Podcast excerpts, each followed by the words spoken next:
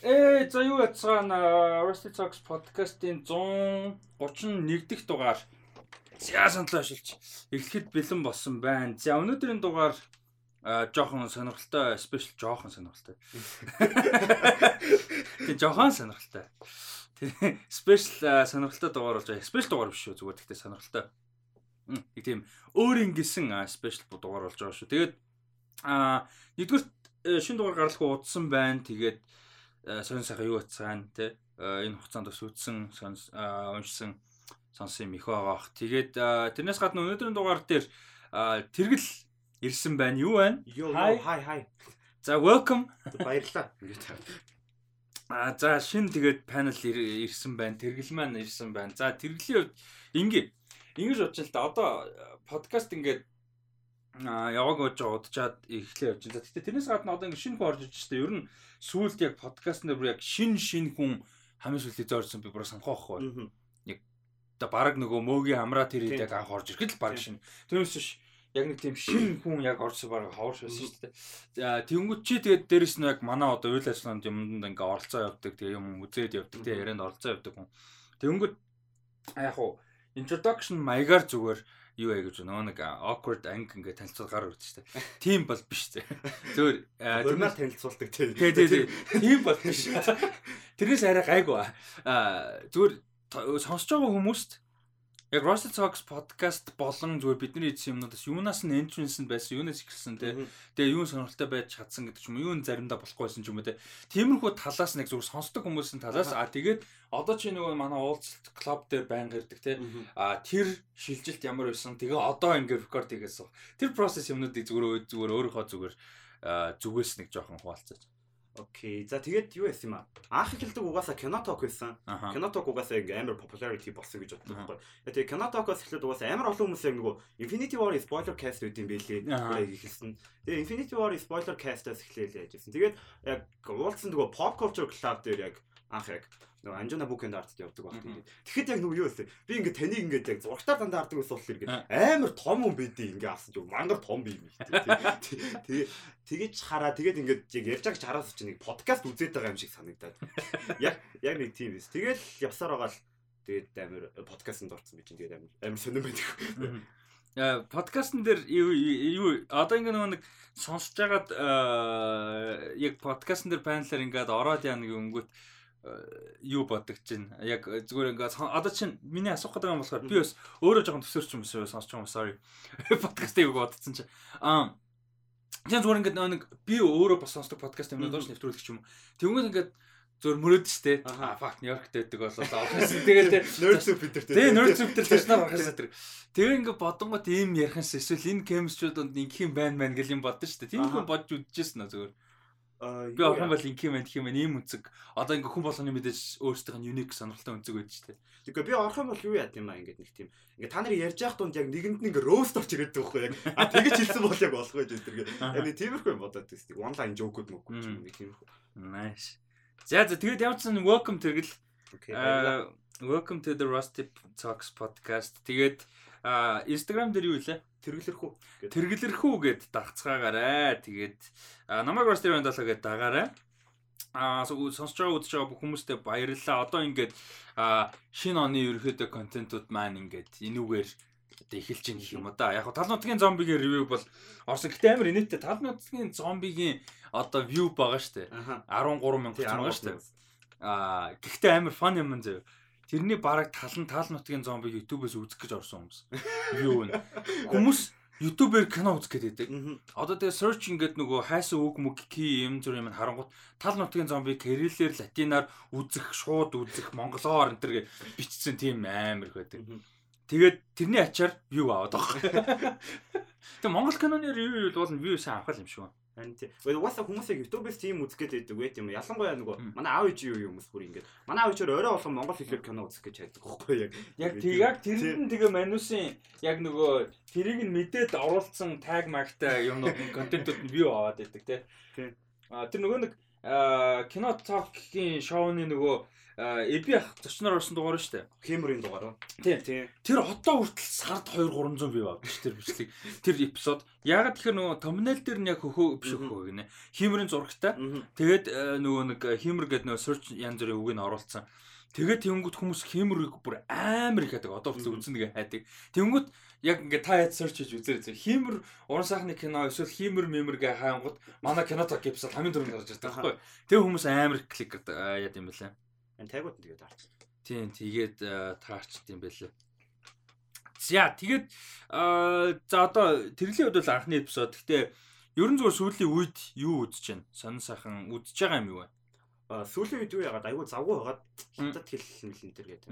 Айгүй завгүй яж байгаа тэгээд юу богинохон богинохон үзэх хэрэгтэй болоод нэг урт сууч чадахгүй. Тэгээд Brooklyn Nine-Nine яг season 3-аас хойш бүр ингээд season 3-аас яг хойш гоё юм. Тэгээд Brooklyn Nine-Nine амар үзсэн бүр ингээд. Урт юм үзэж чадахгүй байгаа зөвхөн Brooklyn Nine-Nine-ыг амар удаан үзээ тэгээд. Nice. Тэгээд кино ер нь сүүлийн үед айгүй үзэж амжаагүй л байна. Kingsman-аас хойш баг кино үзег байгаа. Ажиж Kingsman-аа үзсэн юм байна. Тийм Kingsman-аа. Яа, Kingsman амар гоё юм шүү. Тэр Kingsman дээр чи бидэд юу гэлээ хааны залуу малуу гэж баахад арж гэнэ гэсэн хааны залуу гэдэг шүү дээ Kingsman.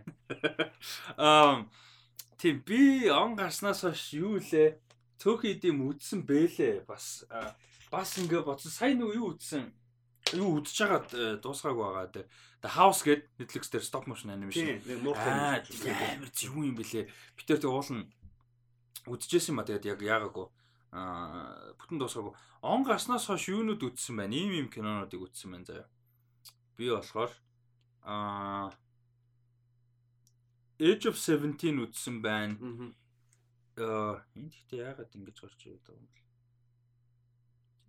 Age of 17 одоо юу санагдчих шүү дээ. Тинейжер насны struggle-уудыг тийм хамгийн accurate харуулсан кинонд нэг санагдчих. Амар гоё хийсэн байлээ те. Бүр үнэхээр гоё хийсэн байлээ. Яг ингээд надтай амар relate хийх юмнууд ихтэй. Яг одоо болж байгаа юмнуудтай маань ингээд. Nice.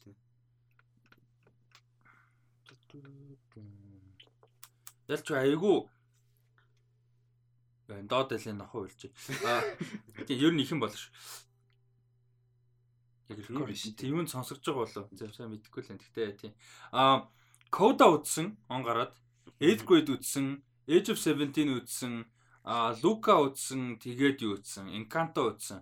Иймэрхүү кинод үзсэн. Үзсэн юм байна. Үзсэн байгаад байгаа. Тэгэд би нөгөө нэг Оскар төхөөлж байгаа 21 оны листэ гаргана гэж бодоод 21 кино их үзэж байгаа. Yesterday нэрээ үзсэн. Зүгээр л дахиад нэг амар гоё болохоор зүгээр юм яанга дахиад үзсэн. 8th grade танд ямар санагдсан?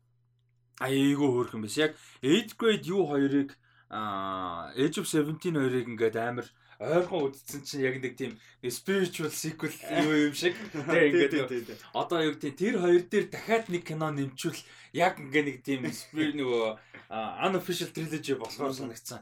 Ер нь амар гоё байсан. Тэгээ Hailey Steinfeld бүр ямар ч олон төрлийн авьяас тэ бүр амар яг 17 оны кино л да 5 жил өнгөрчөж тэгтэл бүр амар гоё л Age of Seventeen бүр амар таалагдчихтэй. Тухайн үед нүцгүй аваа гэж амар бодсон. Тухайн үед нь чинь нэлээд яригдсан шүү дээ Age of Seventeen. Тэгээд тэгэхээр тухайн үед нүцгүй явсаар байгаа тэгээд юу яцсан удаацсан. Тэгээд жоо хамс. Тэгээд одоо юу эхлүүлэх гэж байгаа. Ер нь маргааш өнөөдөр шаараа бодлох маргаашнаас Witcher season 2 эхлүүлнэ. Тэр ревю хийн. Аа тэгээд Dota Dragon's Blood олсон байсан тийм book 2 юу яана үзэн ревю хийн. Тэгээд тэр хоёрыг ревю хийчихэд ер нь нөгөө кинонууд руу орно. Don't look up, come on, come on, the power of the dog нэтрэгээд ер нь баг кино байгаа шүү дээ.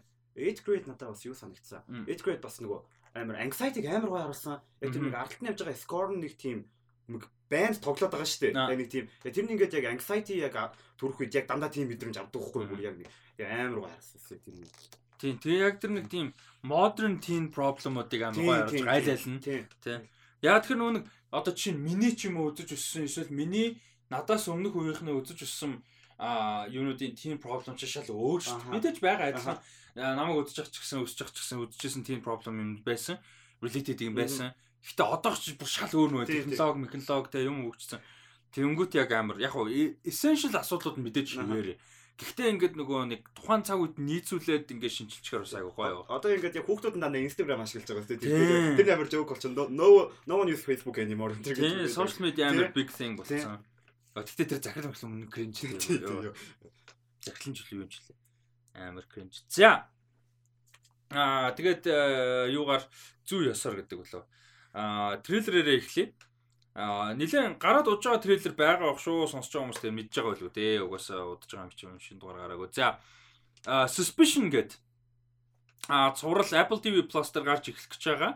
Аа Израилийн нэлээд бас тэрүүгэндээ ер нь нэлээд алдартай энэ цуврал байд юм байна. False flag гэдэг тэр зурлаас сэтүүлж ерөөд ремейк гэх юм уу Америк англи хэл дээр те ремейк болгож хийж байгаа юм байна. Chris Long гэж англи найруулагч ерөөдөө продюсер найруулагчаар нь ажиллаж байгаа. Манай үний хувьд Supernatural The Mentalist The Americans энэ дээр ерөөдөө ажилласан. Одоо болвол тийм ер нь эдгээр дээр ажилласан юм зурлын найруулагч бол хийж байгаа юм байна. Тэгээд энэ дээр жүшийн бүрэлдэхүүнд нь ганц баг одоо хүмүүсийн мэдэж болох жүшин ума дурмал байгаа. Бус нь бол дандаа шинэ залуу жүжигчд. А тэгээд энэний үйл явдлын гол юм нь болохоор яг Лондонгийн цагдаагийн газар яг ингээд одоо энэ хиний ума дурманы ума дурманы дүр болохоор юм амар алдартай юм баян те ирэх мэдлэлтэй том мундаг эмхтэй хүн тэг хүүхэд нь барьцаалагдаад тэг хүүхдийг нь барьцаасан гэж сэжиглээд таван хүнийг барьвчилж байгаа Лондонгийн цагдаагийн газар 3 ихтэй 2 эмхтэй. А тэгтээ трейлер дээр нь болохоор энэ 3 5 хоорондоо ямар ч холбоогүй үртэл байх магадaltaй. Гэтэ мэдгүй. За нэг иймэрхүү цувралын трейлер. Энэ трейлерын чамд ямар санагдав? А тэгээ трейлерээс нь гадна зүгээр плоттэй ер нь энэ цуврал их хэр хүлээлтч гэх юм одоо үсэж байна. Хэрэг сонирхолтой. Трейлер үнэхээр гой санагдсан. Тэгээд яг ингээ хоорондоо ямарч хамааралгүй байгаа нь яг нэг э, юун дээр ярен дээр гарсан шүү дээ. Тэгээд бичлэг юм юу вэ тэгээд яг яг тэгэж э, тэгээд амар гоё crime trailer харагдсан ингээд. Ердөөс тэгээд трейлер нь ба айгүй сайн трейлер санагдсан ингээд. Бараг юм өгөөгүй. Тэгсэн мөртлөө айгүй гоё. Яг трейлер чи яг тийм шүү дээ гол нь. Тэгээд яг тэр нь амар гой сансан. Тэгээ Uma Thurman тэгээд яг нэг гол дүр биш байгаа байхгүй яг нэг тийм. Яг тэгээд айгүй цөөхөн гараад тэр дээр айгүй гоё байна. Цаан байгаа чухал том дүр гэхдээ гол дүр шүү дээ. Тэгээд цөөхөн гараад тэр нь айгүй гоё байх юм шиг харс. Тэгээд ерөөхдөө Apple TV Plus нэг тийм ингээд цувралуудаа ердөөс нэг зөвхөн тоодгүй шүү дээ. Яг тэгээд хайчдаг тэгээд ингээд тэгээд яг тэрнийхэн золиос олчих үдэл гэж хараад байгаа ингээд нэг амар сайн тэгсэн мөртлөө ингээд хитгүүн үзээ тэгээд тэр ялда чимээгүй өнгөрчдөг яг. Тэр их бол магадгүй. Тэгээд хэдүүлээ яриа л өстэй одоо For All Mankind амар сайн гэдэг The Morning Show. Тэгээд Servant одоо season 3 яг гарч байгаа. Servant season 3 гарч байгаа. Тэгэнгүүтээ а юу байгаа Invasion те Ted Lasso Ted Lasso Invasion юу Foundation Foundation те Тэнгүүд ингээд амар хаягдаад байгаа. Тэгээд яг чамтай бол яг санал нэг байна. Тэгээ хаягдчихгүй. Тэгэд би амар санаа би уулын crime thriller ер нь трейлер жанрт айгүй дуртай байхгүй юу? Ялангуяа кино. Тэгээд тэгсэн чинь сүүлийн хугацаануудад ер нь трейлер үзэхгүй байгаа юм бэлээ.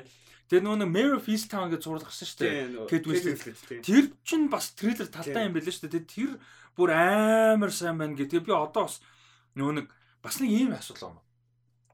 Яг байнгын ревю ингээд хүссэн хэмжээнд гаргаж чадахгүй байгаа мөртлөө а үдж байгаа юм их ихтэй дандаа ажилтаа холбож үзээд байдаг. Одоо жишээ нь яг яг шудраг хэлэхэд бол Dota season 2 би нэг сонирхол байхгүй л байгаа хгүй. А гэхдээ нэгэн season review review хийсэн юм чинь а бас дотроо жоохон сайжирсан гэсэн хөвтэй байгаа учраас үзээд review хийнэ гээд. Тэгээд тэгсэн чинь нөгөө нэг яг ингээд зүгээр цэвэр өөрийнхөө enjoyment-ыг зөв бодож нөгөө юм үзсэн жоохон баг болсон. Тэгээс ямар сандаа сүүлд нөгөө hit monkey бүр зорж албаар тэгж үзээ амар гойсоо. Тэгээ тийм болохоор одоо трейлер үзэж байгаа үзээ тэр тэр card counter интермедиэр үзээ гэж бодоод байгаа байхгүй. Тэгээд энэ suspicion-ыг би бүр яг зорж үзье гэж бодож байгаа. Энэ бүр амар гоо харагдчихлаа. Тэгээд аа suspicion болохоор юутай? Аа ер нь мини series гэж явах юм шиг байгаа. Нөгөө нэг олон season нэг дэрхэхгүй те. Мини season а тэгэнгүүтээ 8 эпизодтай 2 сарын 4-нд 2 эпизод гарах юм байна. Шууд 2 эпизод премьер. Тэгэнгүүтээ дараагийнх нь 5 дахаас эхлээд 6 эпизод 5 дахь өдөр болгоо. Тий 2 сарын 4-өөс. Тэгэхээр одоо ерөөсө хамгийн ойрхон байгаа 10 хоногийн дараа. Яг цагаан сар дуусаад үзэх юмтай шууд. Өөрөө дуртай юм үзэх нэр багцсан байлээ яа гэх тийм. Би одоо ингэ martial arts кино үзмээр байгаа ч гэсэн одоо ингэ Oscar season эхлэх гээд тэгээд одоо заавал Oscar нөр үзэх хэрэгтэй болчих. Тэгээд өөрийнхөө ингэ юм ингэ үзэх нэг багцсан байлээ. Тэгээд Oscar season яалтчгүй нөгөө нэг одоо ялангуяа сүүлийн хэдэн жил нөгөө стриминг мундаг болоо тэгээд том кинонууд том ч яг Оскар гэж ярьж байгаа бүгдээр ямар нэг байдлаар стриминг ордог болсон шүү дээ. Ихэнх нь Тэгэнгүүт бас нэг үнэхээр гоё юм нь Оскар болоход бид нар одоо үндсэн том категориудын баг киноны 70 80 90%-ийг үлдсэн байх боломжтой байдаг болсон. Тэнгүүд чи excuse-гүй болчих жоох. Өмнө нь бол ингээ нөгөө нэг театр тий үзэх боломж байхгүй тэгдэг байсан. Тэгээ одоо бол тийм болохоор бас үдчгэл хэрэгтэй л дээ. Тэгээ бараг бүгд л стриминг гэж шүү дээ. Одоо Licorice Pizza, Drive My Car хоёроос бараг бус бүгд үзэх боломжтой. Тийм байл. Тийм. Fli, Fli олдохгүй байлаа. Тийм. Энэдээс энэдээс бус нь бараг бүгд үзэх. Power of the Dog энэ Netflix орсон биш гэсэн. Гээл дээр орсон шүү дээ. The Hand of God хүртэл орсон Best International Film дээр өсөлдөг. Аа тийм байгаа. За дараагийнх нь илүү жоохон чиний төрлийн сонирхлын байж байж болохоор гэхдээ асуудалтай гэдэг байгаа тийм. За Fistful of Vengeance гэдэг а киноны акшн трейлер те гарч байгаа киноны трейлер гарсан байгаа. Fantasy. А тий фант а тий бас фэнтези те. За энэ киноны трейлер чамд ямар санагдав? За юу болохоор энэ юу юм бэ л шүү дээ. Wu Assassins гэж цувралын одоо үргэлжлэл болж гарч байгаа юм бэлээ. Lewis Tan хин хоёр Eco West гэсэн гол одоо дурдах хүмүүс нь. За энэ чамд ямар санагдав? Энэ дээр бол чи бол а тий дээрэс нь чи өөрөө энэ дээр нэмээд нөгөө martial arts а төрөлд юу нь яагаад дуртай гэдэг дээр нэмээд жоохон тайлбар. Аа за. Тэгээ Wu Assassins болохоор юу вэ? Аа тийм fantasy зураг fantasy martial arts. Гэхдээ юу нь бол martial arts fantasy хоёр холилдохороо сайн л хийхгүй бол муу болдог. Ердөөсөө бүр амар олон жишээ байгаа яг тийм үү. Тэгэхээр аа Wu Assassins надад ердөөсөө айгүй муу байсан. Тэгээд амар тэгээд Eco Wise-ыг л хармаар байсан болохоор үзэж амар зовж үзэж дуусгасан. Тэгээд тэгээд CGI нь амар муу байсан. Тэгээд ингээд Season 2 дээр би арай гайгүй болчих واخ гэд Season 1-ийн төгсгөл болсон юм Season 2 одоо энэ ингээд Fistful of Vengeance дээр бүр ямар ч хамаагүй юм байгаа даа байхгүй. Тэгээд би бүр гайхаад яг тэрийг яагаад үргэлжлүүлэхгүй байгаа бол энэ тэр. Тэгээд би яг энийг уул нь хайпцсан байхгүй би. Яг нөгөө юу яасан Jason Toby яг нөгөө Warrior-ийн season 2 гарахаар confirmed болоод тэгээд яг нэг интервьюд орсон байхгүй юу? South China Morning Post гэдэг яг тийм илүү тийм юу л маршал арт тал руугаа нэг тийм нэг тийм бүр тустай иргэдэг шанал гэдэг яг. Яг тэр яг тэр яг тэр дээр интервьюд орж байхдаа яг нөгөө Fistful of Vengeance тоглож байгаа гэдгийг яг хэлсэн байхгүй. Тэгээд яг хэлээд тэгэд бүр ингээ амар гоо эшэн жүжигчээ цуглуулж байгаа юм байна да. Тэгээд энийг би уулын гэхдээ USS-аас хол байчаасаа гэж бодсон байхгүй. Ингээд арай өөр байчаасаа. Жог тустай тийм тийм. Тэгсэн чинь ингээ Jason Top-ын байгаа болохоор ингээ хайдсан байхгүй. Jason Top-ын угаасаа гоё байгаа гэдээ бодсон. Тэгсэн чинь Jason Top-ын бүр ямар ч үүрэггүй дүр юм шиг үлээ. Жижигхэн дүр юм шиг үлээ шүү. Трейлер дээрээ ч гараагүй. Тэнгүүтээ ингээд тэгээд CGI fight scene хоёрыг би арай жоохон дээрдэх байх гэж бодсон хгүй. Жоохон муу анзаарах үйлдэл гэж бүр ингэ ямар ч дээрдсэн юм байхгүй бүр яа хэвээрээ хийж идэв. Тэгээд би нөгөө найруулагчийг харсан чинь нэрийг уншиж чадахгүй юм биш. Рөөл юм ингэ. Тэнгүүтээ дандаа нэг тийм би акшн кино идэг. Юу яд нь штэ. Man with юу лээ? Iron Fist. Тийм, Risa-гийн юу? Risa-гийн тэр мөрийг найруулсан. Яг найруулагч юм билээ. Тэр нь тэр тэр чи Risa өөрөө найруулаагүй лөө? Үгүй. Хоёрыг найруулсан. А хоёрыг. Тийм. Бүр хоёрыг зөө. Тэгээд бүр нэгээсээ долоодоо шүү дээ. Тэгээд тэгээд дандаа нөгөө юуны WWE-ийн нэг shit action-ууд байдаг шүү дээ. Яг нэг тийм юу Randy Orton Morton тоглосон нэг Marine Intrigue нэг яг тэр мөрийг найруулдаг. Яг нэг тийм. Straight DVD кино. Аа тийм тийм тийм. Яг шууд DVD-гээр гардаг. Яг хэрэг хэцүү юм. Яг тийм найруулагч найруулсан тэгээд ингээд бүр ингээд энэ гоё кастыг бүр ингээд алаа ичж байгаа сандаад нэг. Тэгээд амар frustrating байсан. Jason Tobin болохоор тайлбарлаарай. А Jason Tobin сонсож байгаа хүний үед Jason Tobin гэж яриадсан болохоор. Тийм. Jason Tobin болохоор нөгөө Warrior гэдэг миний амар дуртай. Bruce Lee-ийн яг нөгөө бичгээс одоо бичсэнээс санаа writing-аас санаа авсан цуврал, Cinemax-ын цуврал. Тэгээд Jason Tobin яг тэр дээр нэг нэг тийм том боссын дүрд одоогор ер нь Michael Corleone яг яг нэг тийм боссын хүүгийн дүр тоглолдог. Тэгээд миний амар дуртай жүжигч. Тэгээд Jason Tobin нөгөө одоо өөр нөгөө юугаа Luck Tomorrow нөгөө хиний Justin Lin. Тийм нөх хин Kang. Son Kang тийм яг тэр чи хааны яг origin story юу. Тэгээд яг тэр тэр дээр яг Jason Top нэг тийм амар илийн гарт тоглолт. Нэг клон гэд. Тийм тийм. Ер нь амар гоё кино Better Luck Tomorrow тийм. Underrated тийм. Тийм. Тэгээд тэр нөгөө Better Luck Tomorrow ингээд нөгөө Аз яг хүүхдүүдийн үед амар импакт болсон байдаг. Тэгээ нөгөө одоо яг одоо энийг энэ дээр гарч байгаа Livingston байгаа шүү дээ. Livingston юунд Better Luck Tomorrow Better Luck Tomorrow-ыг бүр амар фэн. Угаасаа Америкт төссөн Аз хүүхд болохоор яг бүр ингээд cult classic юм билээ. Бүр амар юм билээ. Тэгээ Jason энэ нэг кинонд тоглож байгаа амар баяртай байгаа энэ төргээд ярьсан байсан. Тийм American Asian-уудын хувьд бол Зүүн Азийн гаралтай Азуудын хувьд бол бүр амар юу л та. Тийм cult classic юм байлээ. Яг тэр үед. Гэхдээ би хүртэл ингээд шал хамааралгүй Америк төсөөгүй мөртлөө зүгээр ингээд дандаа ихэнхдээ л цагаан хүмүүсийн story те ингээ үзэл явж бас нэг тийм race miss бодохгүй шүү дээ. Тэгтэл ихэнхдээ тэгээ үзээ явж байгаа. Тэгээ заримдаа black. Тэгээд тэгж яагаад яг ингээ Barrel Lock Tomorrow үзэнгүүт holy shit нэр Америк Америк ч амар diverse амар олон төрлийн хүмүүс амьдардаг амар олон төрлийн cultureтэй улс штэ гэж бодож байгаа юм чинь. Би энэ чинь 2008 онд үзлээ. Аа тийм. Тийм 8 9 онд. Одоо бодоод байхад гарсантай нь ойрхон л үзсэн юм байна л да. Одоо гараа 20 жил болж байгаа юм шүү дээ энэ жил. Jesus Christ. Тий, тий бүр ингээ амар 20 жил л. Тийм биш.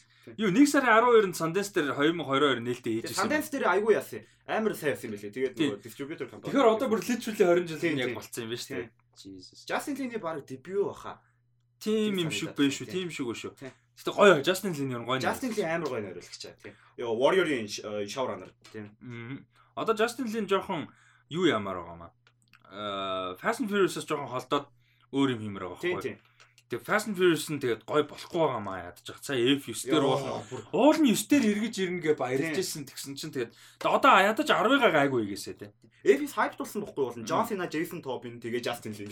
Яг ингээ бүрийг Тэгээд яаж хаан эргэж тэр нөгөө нэг пандемикийн өмнөхөн гардаг трейлер тэ. Йоо тэр бүр амар. Тэгсэн хайн тэр дээр би нэг халтаарчаад ямар хөгшүүн бэ гэж харсан ш бүр ингээ. Үсээ багуулах гэж амар хөгшөө харагдаад. Тэгсэн жижиг гал тэ. За, шүрэ агдашлуу гэдэг. Of Vengeance юм ба. Танд ямар? Ай, дээ.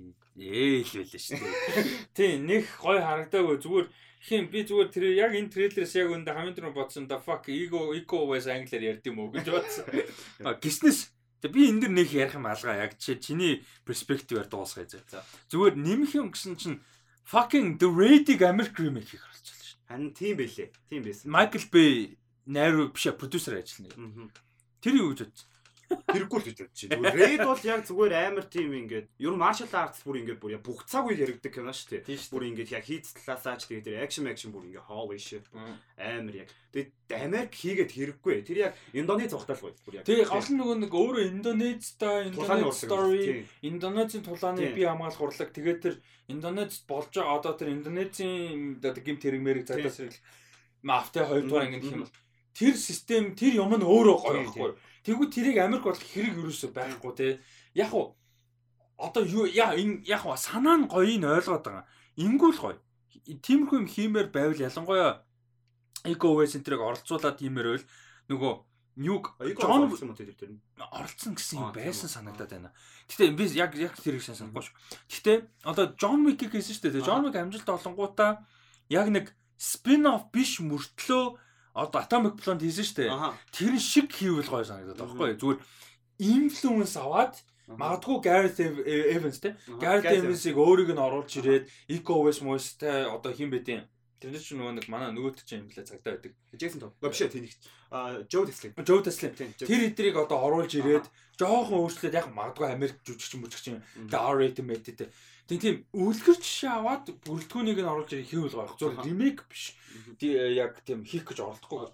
Индонез нь яг ингээд амар тулааны урлаг нь үзэхэд шал өөр. Ингээд бидний үзчихсэн юмнаас өөр. Тийм болохоор амар юник байгаад гоё гэдэг. Яг ингээд Америк хөрсөн дээр буулгаад бодох юм бол яг зүгээр амар generic action movie кино болчихгүй зүгээр. Зүгээр л мафтай тэгэл зодтолдог яг нэг тийм. Үгүй тэгээд угаасаа тэрийг тавтах боломжгүй. Тийм. Үгүй тэгээд Америк martial arts гэх бас хэцүү байд юм ба. Байхгүй шүү дээ. Martial arts угаасаа Америк martial arts гэж байхгүй. Байхгүй шүү дээ. Тийм бол тийм.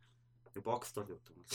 Бокс ер нь англи мангли Европ гэхдээ бас авирч. Гэтэ яг нөгөө давмгаалж байгаа. Тийм тийм.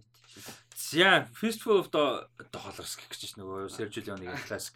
А Fistful of Vengeance 2 сарын 17 Netflix дээр орох юм байна. Тухайн үед цагаа нөхцөө гэвэл а болох байх. За, энэний дараа яг маргааш нь 2 сарын 18-нд бүр хамаагүй exciting гоё юм Netflix дээр орно. А а зааж байгаарай. Sorry, юу юм бэ штэ. Shit 2 сарын 18-нд зүг биз дээ. А зүг байна. Окей. За. А 2 сарын 18-нд орно The Cuphead Show гэх анимашн а цуврал Netflix дээр орж байгаа. А Dave Watson гэж хүний хийсэн цуврал.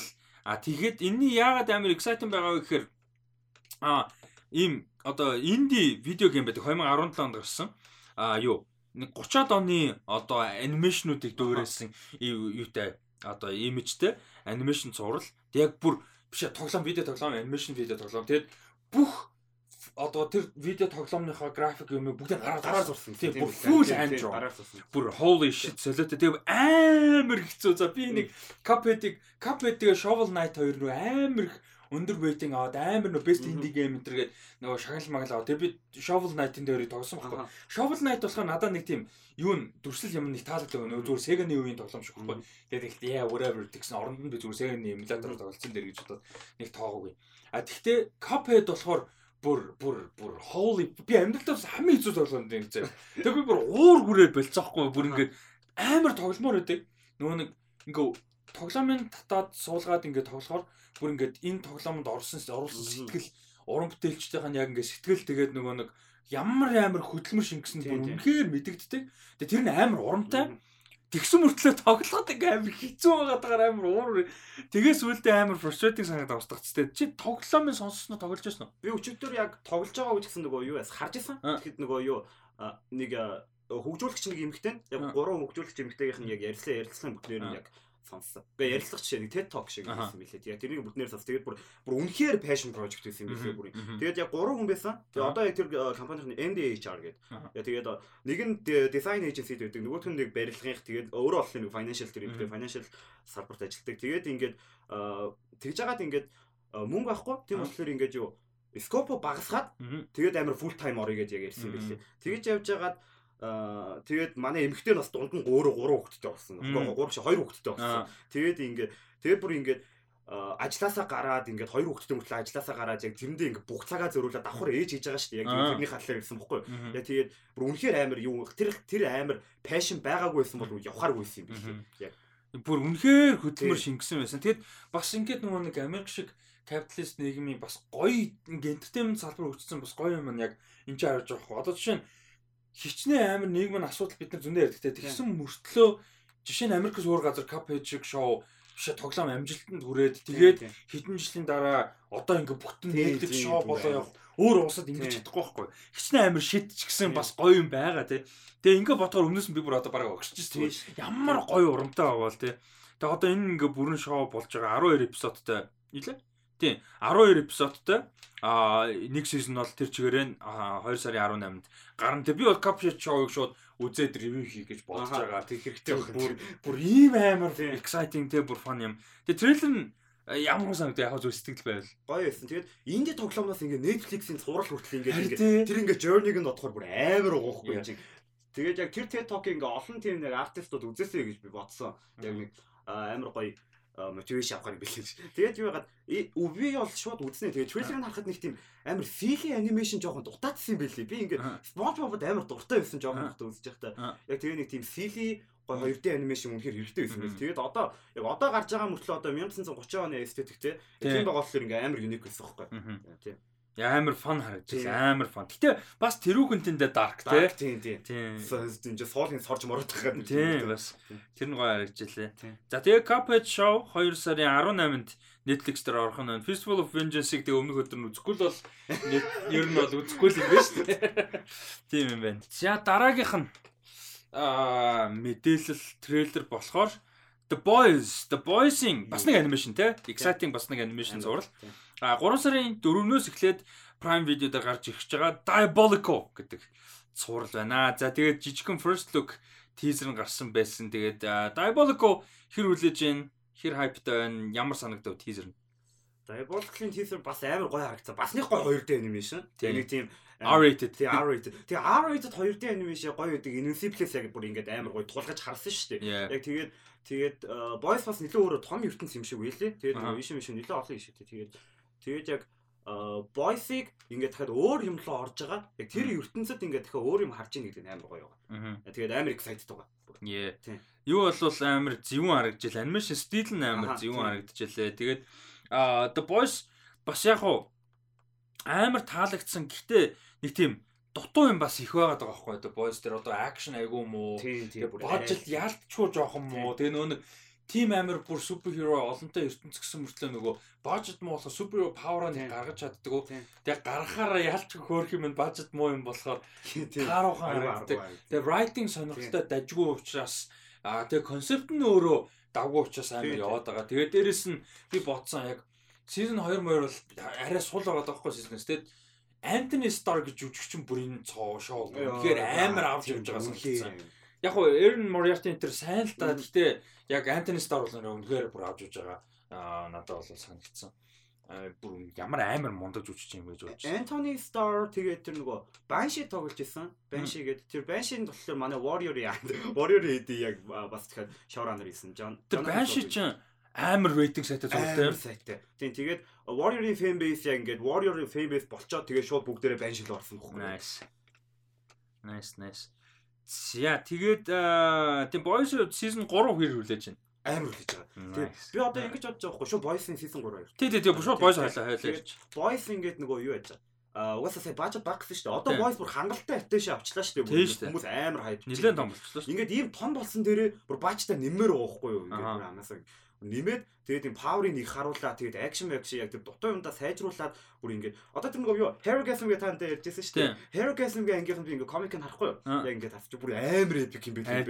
Яг тэр мэрийг бүр баачтаар зодоод хийчихсэн гэж байгаа байхгүй юу? Ингээд бүр яг тэгээд season 3 дээр бол баачт нэмхийг л айгу хүсэж байгаа. Тэрнээс бол жүжигчд мүжигчд бол тэгэл угаасаа л гоё юугаа. Тэгээд яг баажтаа л гоё нэмжсэн гэж байна. Тийм тэгвэл бүр яг ингээд илүү гоё болох гэдэг. Тэгээ нөө нэг ертөнцөөс нь жон гаргачаад байт юм. Одоо тэр season 2-ын за спойлдод яг үзээгүй юм чинь дэж магадгүй. Гэхдээ season 2 дээр нэг нөгөө эмгтэй хүмүүс файт хийдэг гэсэн ингэж тайлбарлал болох байх. Тийм. Тэр тэр мөр амар кринж байсан. ID нь амар гоё. Тэгээ ингээд өмнөөс нь амар feel good байх хэрэгтэй шүү дээ. Тэгтээ ингээд үзэхэд бүр үнэхээр нэг CW-гийн шоу үзэж байгаа юм санагдсан байхгүй. Тэгэхээр тэр мөрөн дээр дээрс нь зөвхөн бажет биш. Бас яг тэр choreography, fight choreography тулааны одоо дэглэж гэх юм уу. Тэр хүмүүс дээр ажиллахмаар байна. Яг үүндээ зөвхөн бажтаас хамаарахгүйгээр тэр чин зураглал а тулааны дэглэм дэглэм мэглээс гоё хийж болох юм байгаа шүү дээ. Тэгэхээр тэд нар нь дэндүү юм уу байгаа байхгүй. Одоо юу яагаад одоо чи Kimiko-гийн юм бол Power Mower ингээд амар гой choreography хийж болохоор санагдаад байгаа. Тийм шүү. Тэгэхэд амар санагдсан чинь ингээд бүр амар өдөртэй. Kimiko-гийн яг акшн юмнууд амар өдөртэй. Амар. А character moment-ууд амар гоё. Акшн амар өдөртэй. Уул нь амар гой powerтай байхгүй юу ингээд. Баг Superman speedтэй шүү дээ, тий. Тийм тэгээд тэр мэрийг амар гой ашиглавал choreography тэр гоё болвол гоё л байгаа. Тэгээ хиний power-ыг амар cringe хийдэг. Starlight-ийг. Тийм. Амар кринж тийм. Гэхдээ ялч жүжигч нь амар сайн дүрдээ үнэхээр гоё гаргаад байгаа болохоор бид нар дүрдний хайртай болохоор үзээд яг акшн ингээд нэг жоохон павер ашиглах болохоор амар кринж. Нүд нь ингэж асч юмсаа тийм. Ган дээр нь ингэж гэрэл амар тэнийг тэгэл нөгөө дэлгэцийг цагаан болчихсон шүү дээ. Тэгэд нэг ябуучэр хэлдэж шүү дээ. Тэрийг ярьж. Тэгэхээр жоохон кринж. Тэгээ ер нь гэтээ үзег хүмүүс бол үзээрээ Boys одоо 3 сарын 4-нд animation spin-off Diabolical гарч эхлэх чинь 6 сарын 4-нд The Boys season 3 гарах гэж байна. А нэг teaser гаргасан те first гаргасан хин Homelander бүр яг яг break хийх гэж байгаа. Бүр яг is gonna lose his fucking shit болох гэж байгаа момент гарч илээ. Яг тэр бүрт амар гоё гоё тэр байсан. Тэр season 2 гоё төгс тээ. Яа, I can do what. Гоё төгс. Тэгээ Anthony Starr-ын нэг баг нэг заваа харагдуулаад тэр юу гэдэг вэ? Тэр нэг орол нэт. Яг нэг дээд орол жижигхэн ингээ гараад ирсэн яг дээд хэсэг дээр. Тэр бүр үнэн шижгийн муухан харагддаг юм. Гоё жүжигч юм бэлээ. Аа за дараагийнх нь болохоор аа A24-ийн хоёр киноны талаар ярилцсанаа. Тэгээд зааж гараа. За эхнийх нь болохоор 3 сарын 18-нд кинотеатруудад нээлттэй хийх гэж байгаа slasher horror ерөөхдөө кино байгаа. Ty West гээд найруулагч найруулж байгаа. За хүмүүс бол нэг кинонуудыг мэдхгүй би ч мэдгүй л юм. The Roost House of the Devil, The Innkeepers, The Sacrament гэдэг дандаа бажет багтай ийм аим шиг кинонууд ерөөхдөө а хийдэг уран бүтээлч юм байна нэлээд залуухан. За маань хөө өөрөө зохиолын бичээд өөрөө найруулад өөрөө эвлүүлгийг хийсэн X гэдэг нэртэй а ийм аимшиг кино бол A24 дээрээс гарч байгаа байна. 3 сарын 18-нд гарч байгаа маань. За энэний трейлер ямар санагдав? Бүр амар гоё байсан. Йоо shit бүр амар гоё байсан. Тэгээ Тэгээд нэг 70-аад оны эстетик те нэг Texas Chainsaw Massacre, Boogie Nights энэ бүр яг яг тэр хоёрыг холт юм шиг яг нэг яг нэг тийм харагдсан тийм. Тэр хоёр хүүхдтэй байсан бол гэдэг. Яг тийм яг нэг яг бүр тэр хоёрыг холтсон юм шиг. За энэ болохоор 70-аад оны эстетик угаасаа 70-аад он болж байгаа шүү. Тэгэнгүүтээ нэг хэсэг нөхдүүд ийм нэг хөгшин хүнээс одоо нэг өвөөгийн одоо манахаар амбар тийм манахаар амбар яг хоо эднийхээ арай жоо том гест хаус амбар энтриг нь түрээслээд А тий чи порн хийх чаа. Тийм порн. Тий одоо порн жүжигчтэйгээ найруулагчтайгаа крүүтэйгээ ирц тий яг порн хийх чаа. Тэгээ гарууд порн хийх гэж зохиол боголтой тий бас бүтэн порн тий. Porn you can come inside. Тий тэр мөр үнийг гэж. Porn feature юм шиг. Тий нөгөө бүтэн кино юм шиг. Тэгээ дээр үчир тэгж амар. Тийм амар байдаг үед. Тэр үчир тэгж хийдэг. А тэгээд team porn хийж байгаа гарууд ингээ очиж хайсан чинь тэр хөгшүүн тэр хөгшүүнийх нь эхнэр хоёр creepy weird гарууд болж таарч байгаа. Ерөнхийдөө яг ингээд хойлоо яг ярихаар хангалттай гоё яг үзэх хэрэгтэй. Трейлер бол яг үзэх трейлерыг бүтэн үзэх хэрэгтэй бүр. Үнэхээр бон харагдчихлаа. А тэгээд жүжигчдийн бүрэлдэхүүнд нь яг хуу Mia Goth-ыг хүмүүс мэдэж магадгүй Cure for Wellness, The Lars von Trier-ийн Nymphomaniac тогсон жүжигч юм ба. Тэгээ сая сууд Лука Гваданиногийн Suspiria тогсон. А тэгээд хиний Роберт Паттинсон тоглолтог A24-ийн High Life-т тоглосон. Аа тэгээд Jenna Ortega бас ер нь нилээн гарч ирж байгаа. Энэ жил хараа айгуу сайн баг шиг. Screen дээрсэн тий? Screen дээр. Тий, screen дээр байгаа. Тэгээд нөгөө юун дээр Insidious дээр тоглосон, Jane the Virgin дээр тоглож ер нь нилээн хүмүүст бас танигдсан. Ер нь бол а тэгээд Stuck in the Middle энэ Disney Channel-ийн бас жижиг юу жоохон бахтай юмнуудад бас тоглож байсан. Ер нь нилээн бас гоё гарч иж байгаа залууч биш үү нэг. А тэгээд Kid Cudi байгаа. Одоо Kid Cudi ер нь жүжигчний карьераа нилээн одоо эрчимтэй явуулж байгаа бас тэр нь урамтай байгаа Скот Мискади гэдэг шүү.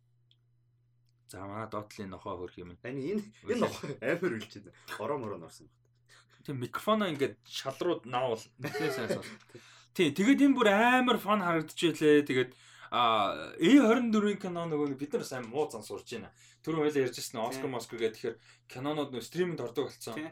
Тэгээд тийм болохоор айгүй олон киног ингээд нөгөө нэг бол том кино одоо блокбастер театраар үзчихнэ. Бусны стримээр үзчихсэн шүү дээ. Тэнгүүд нөгөө нэг одоо Neon ч юм уу а A24 ч юм уу яг нэг big bud нөгөө студ биш. Гэхдээ стриминг биш ингээд нэг тийм хуучны кино урлагийн нөгөө нэг одоо cinema art-ыг хадгалаад байгаа студиуд биш шүү дээ. Эднэрийн кинонуудыг бид нар үзэх access байхгүй.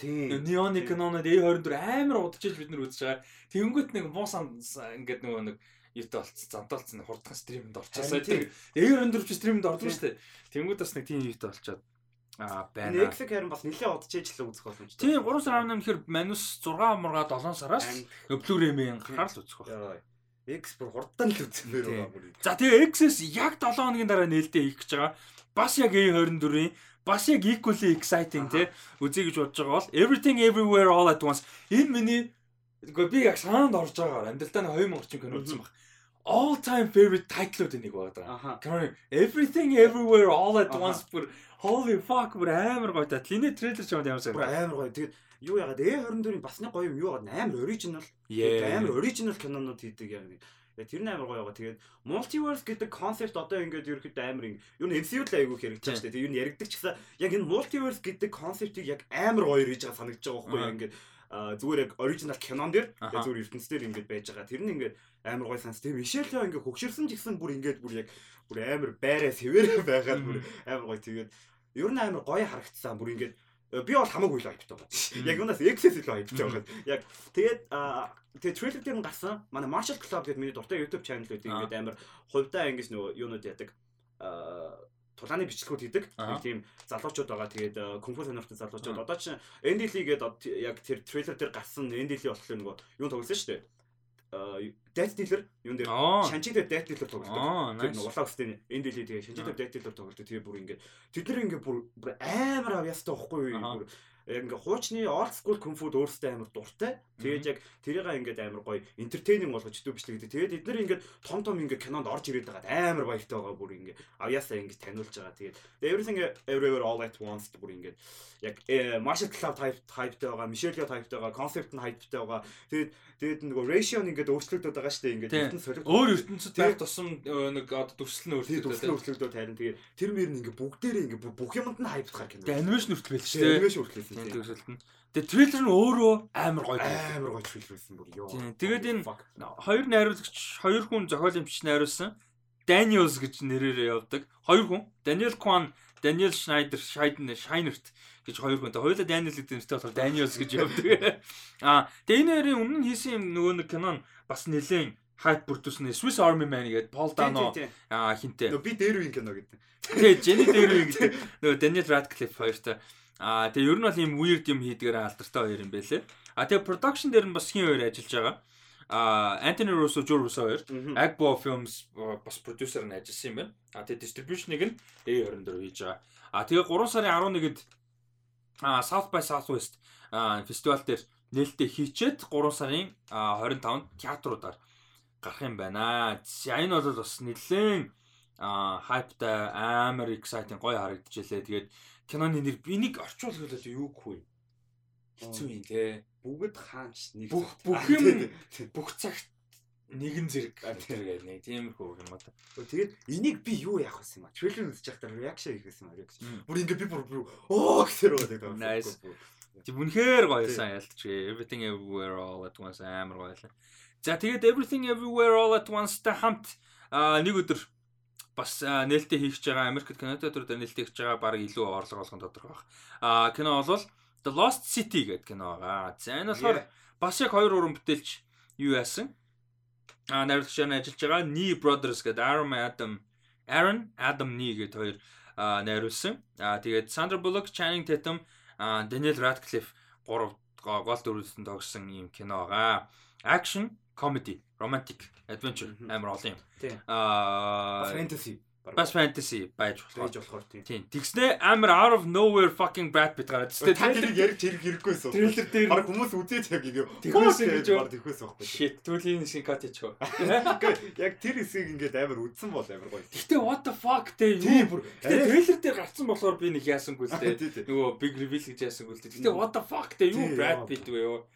Тэгээд бүр амар гоё. Тэгээд ингээд гоё юм нэг одоо цуглаад бүр нэг амар фан яг тийм нөгөө serious биш тийм Daniel Radcliffe ингээ баян болоод хүн болгоалдаг болчихлоо тийм бүр яг тийм нөгөө юунд чинь Sim хоёр дээр тийм байсан шүү дээ. яг комментэр тэгсэн. Daniel Radcliffe баян хүн болгоалдаг миний дуртай жанр гэдэг. За тэгээд энэ бол амар фан харагджилаа Lost City гээд энэ нэг юм одоо Сандра Буллокийн дүр нь болохоор нэг юм амар мундаг одоо зохиолчтой аа тийм adventure romance novel бичдэг. Тэгээд тэр нь амар хит. А тэгээ хэн болохоор тэр новелийнх нь одоо cover-ны зурагт тоглодог модель нь болохоор Channing Tatum. зүгээр нэг юм модель багий. А тэгээд тэгсэн чинь хэн болохоор а Daniel Radcliffe болохоор ийм гимт хэрэгтэн амар баян багий тэгэнгүүтээ хэнийг барьцаалаад Сандра Буллокийн зохиолчийг барьцаалангуудаа тэр учир бүтүүлэг нууц хотыг нь олгоо. Тэр нууц хотын тухай адал явдалтай юм бичсэн зохиол бичсэн. Тэгээ тэрийг жинхэж гэж бодоагүй шиг байна. Тэгсэн чи тийм жинхнээс юм олох гээд мань үнийг барьцаалаад. А тэгээд энэ ингээ бөө юм болж исэн чинь манай модель амиг гид баатар болоод авдаг багийн болж араас нь яваад. Тэгээ энэ фэлжсэн чинь Brad Pitt гинт гараад ирж байгаа. Яа, гэтээ трейлер дээр гарсан юм шүү. Киноос болж байгаа. Трейлер дээр тэгээд амар гоё яг cake bite юу шиг яваадсан бүр ингэ. BDNC-д амар хайртай. Joe Jones Brothers амар хайртай. Тэгээд cake bite юу шиг яваадсан бүр ингэ амар гоё summer vibe оруулсан бүр яа. Тэгээд юу хагаад ингээд нэг тийм амар тэнэг байгаад байгаа шүү дээ. Юу яг кино ингээд яг ингээ одоод гоё тэнэг байхлаар нэг гоё юм аа яг. Амар илий тий. Нэг ингээд юу амар дамп ингээд том том каст байгаа мөртлөө тэр нь ингээд дамп бахлаа нэг амар гоё. Тэгээ Channing Tatum бүр ингээд амар гоё илийгээрээ гоё яваад байгаа. Тэгээ сая Free Guy дээр болсон бүр амар илий дүрээс баг. А Free Guy дээр бэд яа. Бэд тий. Тийм. Окей. Аа Channing Tatum чи сая нөгөө 2 3 жил бүр full time дайд хийж байгаа даа хийж байгаа тэгээ одоо юу яаж байгаа шүү дээ ажилдаа эргэж. Эргэж ирэхтэй айгу гоё эргэж ирээд байна. Одоо юу яана 23 Jump Street үзмээр байна. Яа яа. Тэр ингээд нөгөө 22-гийн яг ард гардаг яг бүгдээр ингээд үзмээр байна. Тийм бүгдээр ингээд.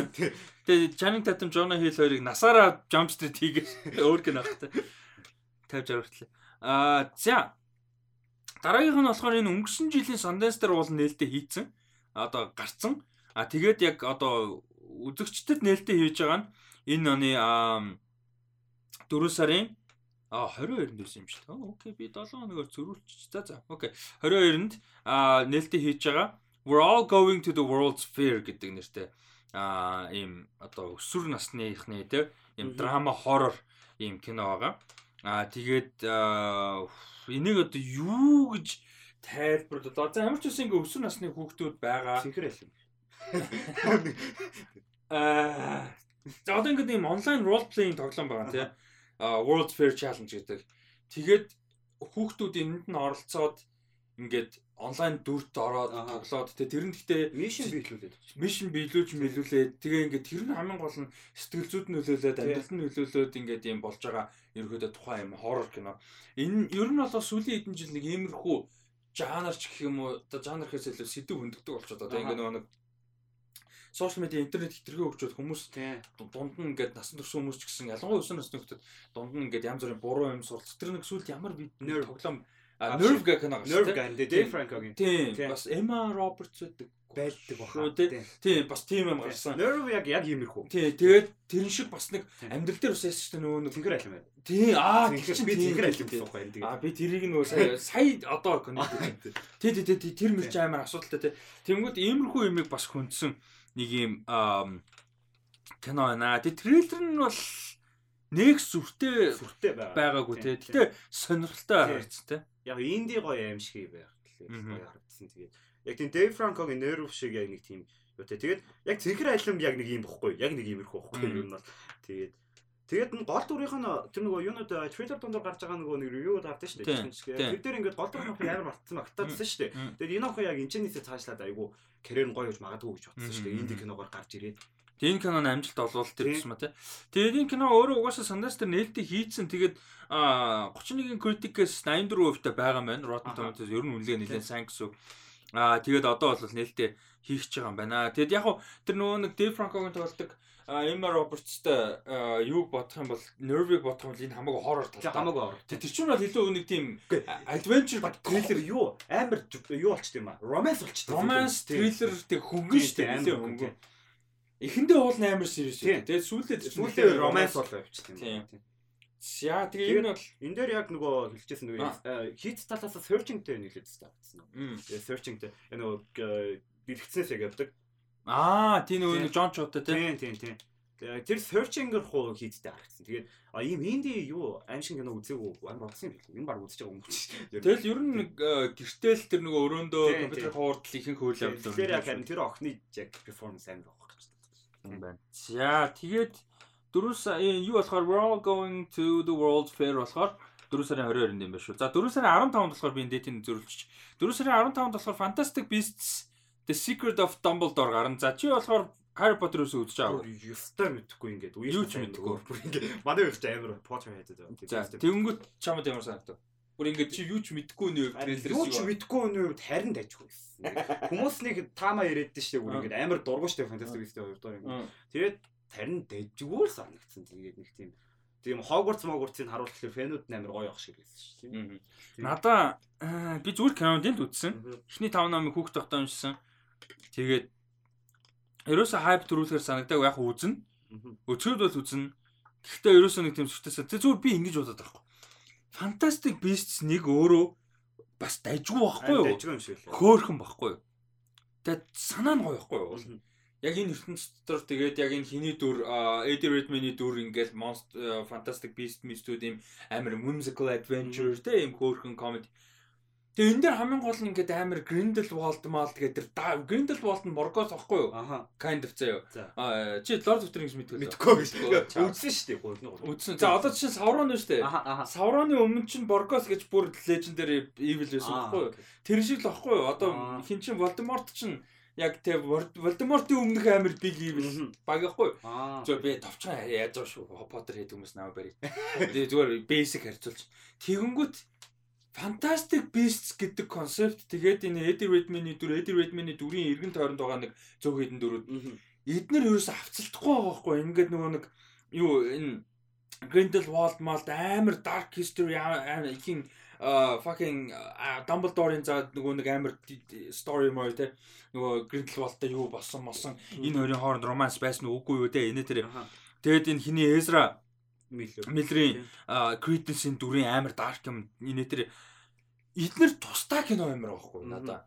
Тэгээ энэ дургуцаад байгаа даа биш. Fantastic Beasts нь өөрийг гэсэн нэг юм гоё юм яваад цаана нь одоо тэр мэдгүй Young Dumbledore гэж нэрлэдэг юм уу, Young Grindelwald гэдэг юм уу юу гэдэг тэр story тусдаа юм аа байхгүй. Тэгэхгүй болохоор identity crisis-тэй franchise энэ Fantastic Beasts ерөөсөө миний хувьд бол. Тэгээ хоёр нь бүр бүр бүр амар моохгүй бүр замбраагүй Тэгээ тэр Клаудиа Кимийн дүр мөр бүр бүр амар асуудалтай. Аа нэг бол бас дайжгүй, бас дайжгүй зэ. Гэтэл асуудалтай. Аа тийм. Тэгээ ер нь бол аа нэг тийм асуудалтай. Дээрээс нь screenplay-ыг одоо юу ямаар байна? Raw JK Rowling зөвөр болмоор. Ари болмоор байгаа шүү дээ. Тийм. Яг энэ дээр co-write хийсэн. Co-write хийсэн. Гэхдээ that's not enough. Ер нь JK Rowling одоо болох бүр амар яг мэдээж мундагийн бүтээсэн байна те. Окей she got the billions of dollars and fine. Зүгээр одоо болчихсон таахгүй яг ингээд screen writer хүмүүст ингээд одоо bullet point-уудаа өгд юм уу те? Одоо approve хийд юм уу? Өгөөд яг ингээд бичиж чаддаг хүмүүсээр бичүүл хэрэгтэй. Харин тийм тэгээд юу Matt Mikkelsen байсан те тийм Matt Mikkelsen нөгөө Grindelwald-ийн одоо 3 дахь хэлбэрт нь Johnny Depp ихнийх хоёр дахь нь. Үгүй эхнийхт нь тий хоёр дахь нь тий. Эхнийхт нь Colin Farrell тоглоо хоёр дахь нь Johnny Depp одоо Mads Mikkelsen тоглож байгаа маа. Mads Mikkelsen гэдэг. Тий Mads Mikkelsen. Хи Mads Mikkelsen гэж л амраад тэглэх байх гэсэн. Аа Daatko тэгчлээ. Mads Mikkelsen. Ийггүй л дээ манай. Аа За дараагийнх нь болохоор амар гоё трейлер байна. За Fantastic Beasts болохоор 4 сарын 15-нд юм байна. За дараагийнх нь болохоор 4 сарын 22-нд гарах энэ 24 биш те. А биш юм Lionsgate-ийнх юм байна. А The Unbearable Weight of Massive Talent агуу их авиасын дийлдэшгүй их одоо ачаа мачаа тий. Одоо жин ачаа тий. Одоо гэсэн утгаар. Аа ийм нэртэй comedy action comedy байна. Nicolas Cage Nicolas Cage-ийн дүр. Тий. Аа тэгээд Петро Паскал Хави гэдэг Хави. Манай ч нөгөө нэг наркос дээр Хави гэдэг. Аа тийм үү. Тийм би Хави гэдэг. Би тэр чинь ойлгохгүй. Би Хавиг энэ гэдсэн тэр байхгүй. Петро Паскал чинь Хавигийн дүр тоглодог байхгүй юу? Юун дээр наркос дээр. Хавьер Пеня гэдэг тоглолдог байхгүй юу. Тэгээ энэ Хавиг үт яриас. I'm gonna fuck your fuck it. Тэгээ энэ болохоор амар фан тэгээд нөгөө өмнө нь ярьжсэн шүү дээ анх зарлагт нь. Нөгөө Никлас Кейж өөрийнхөө дүрд а биллионер супер багийн а төсөө дүрт нь гээд фан оролцох одоо санал авж байгаа сая долларын одоо орлоготойгоор яг тэр өөрөө мань амар өртөө болсон. Тэгээд тэнчнээс амар holy shit галзуу юм болж байгаа тухай тий. Тэгээ Педро Паскал болохоор тэр биллионер багийнхан дүр тоглож байгаа. Энэ дээр би ингэж хараад байгаа нөх хин Педро Паскал Педро Паскал биллионер нээсэн юм. Тийм тэр биллионер байхгүй юу да. Тэгснэ Педро Паскал би ингэж бодоод байгаа. Энэ юун дээр кинон дээр нөгөө Wonder Woman 1984 дээр чадаагүй гой дүрээ энэ дээр гарах юм санагдаад.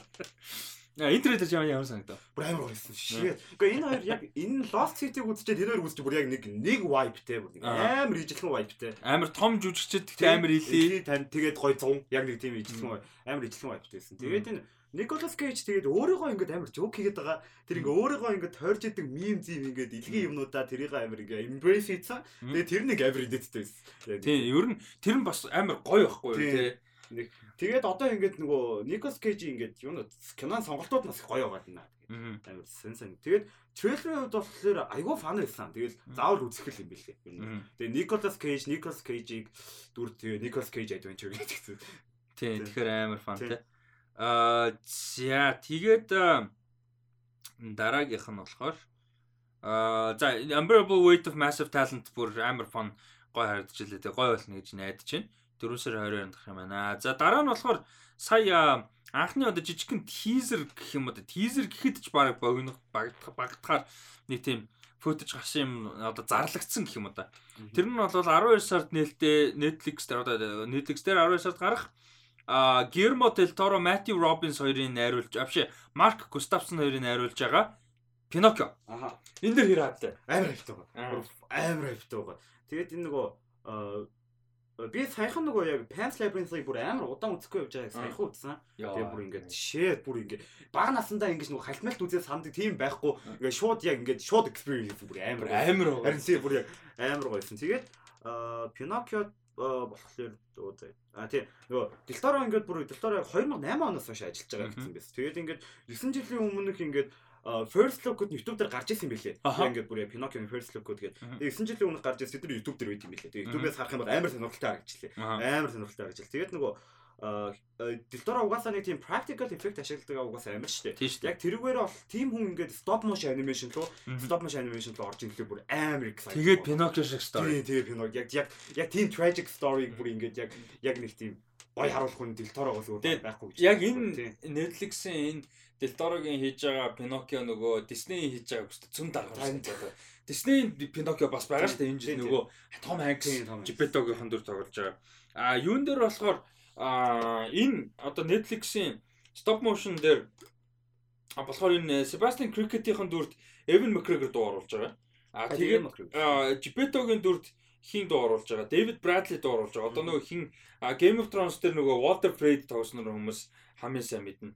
А тэгэнгүүтээ нэмээд жүжигчдийн бүрэлдэхүүн гэх юм бол Finn Wolfhard байна, Kate Blanchett байна, John Turturro, Ron Perlman, Tim Blake Nelson Christoph Waltz, Tilda Tilda Swinton. Oh nice. Oh Tilda Swinton. Бүр супер дупер касттай дууруулж байгаа жүжигчдийн бүрэлдэхүүн. А гэтээ энэ бол ойлгомжтой зүгээр нэлээд dark байх юм тодорхой.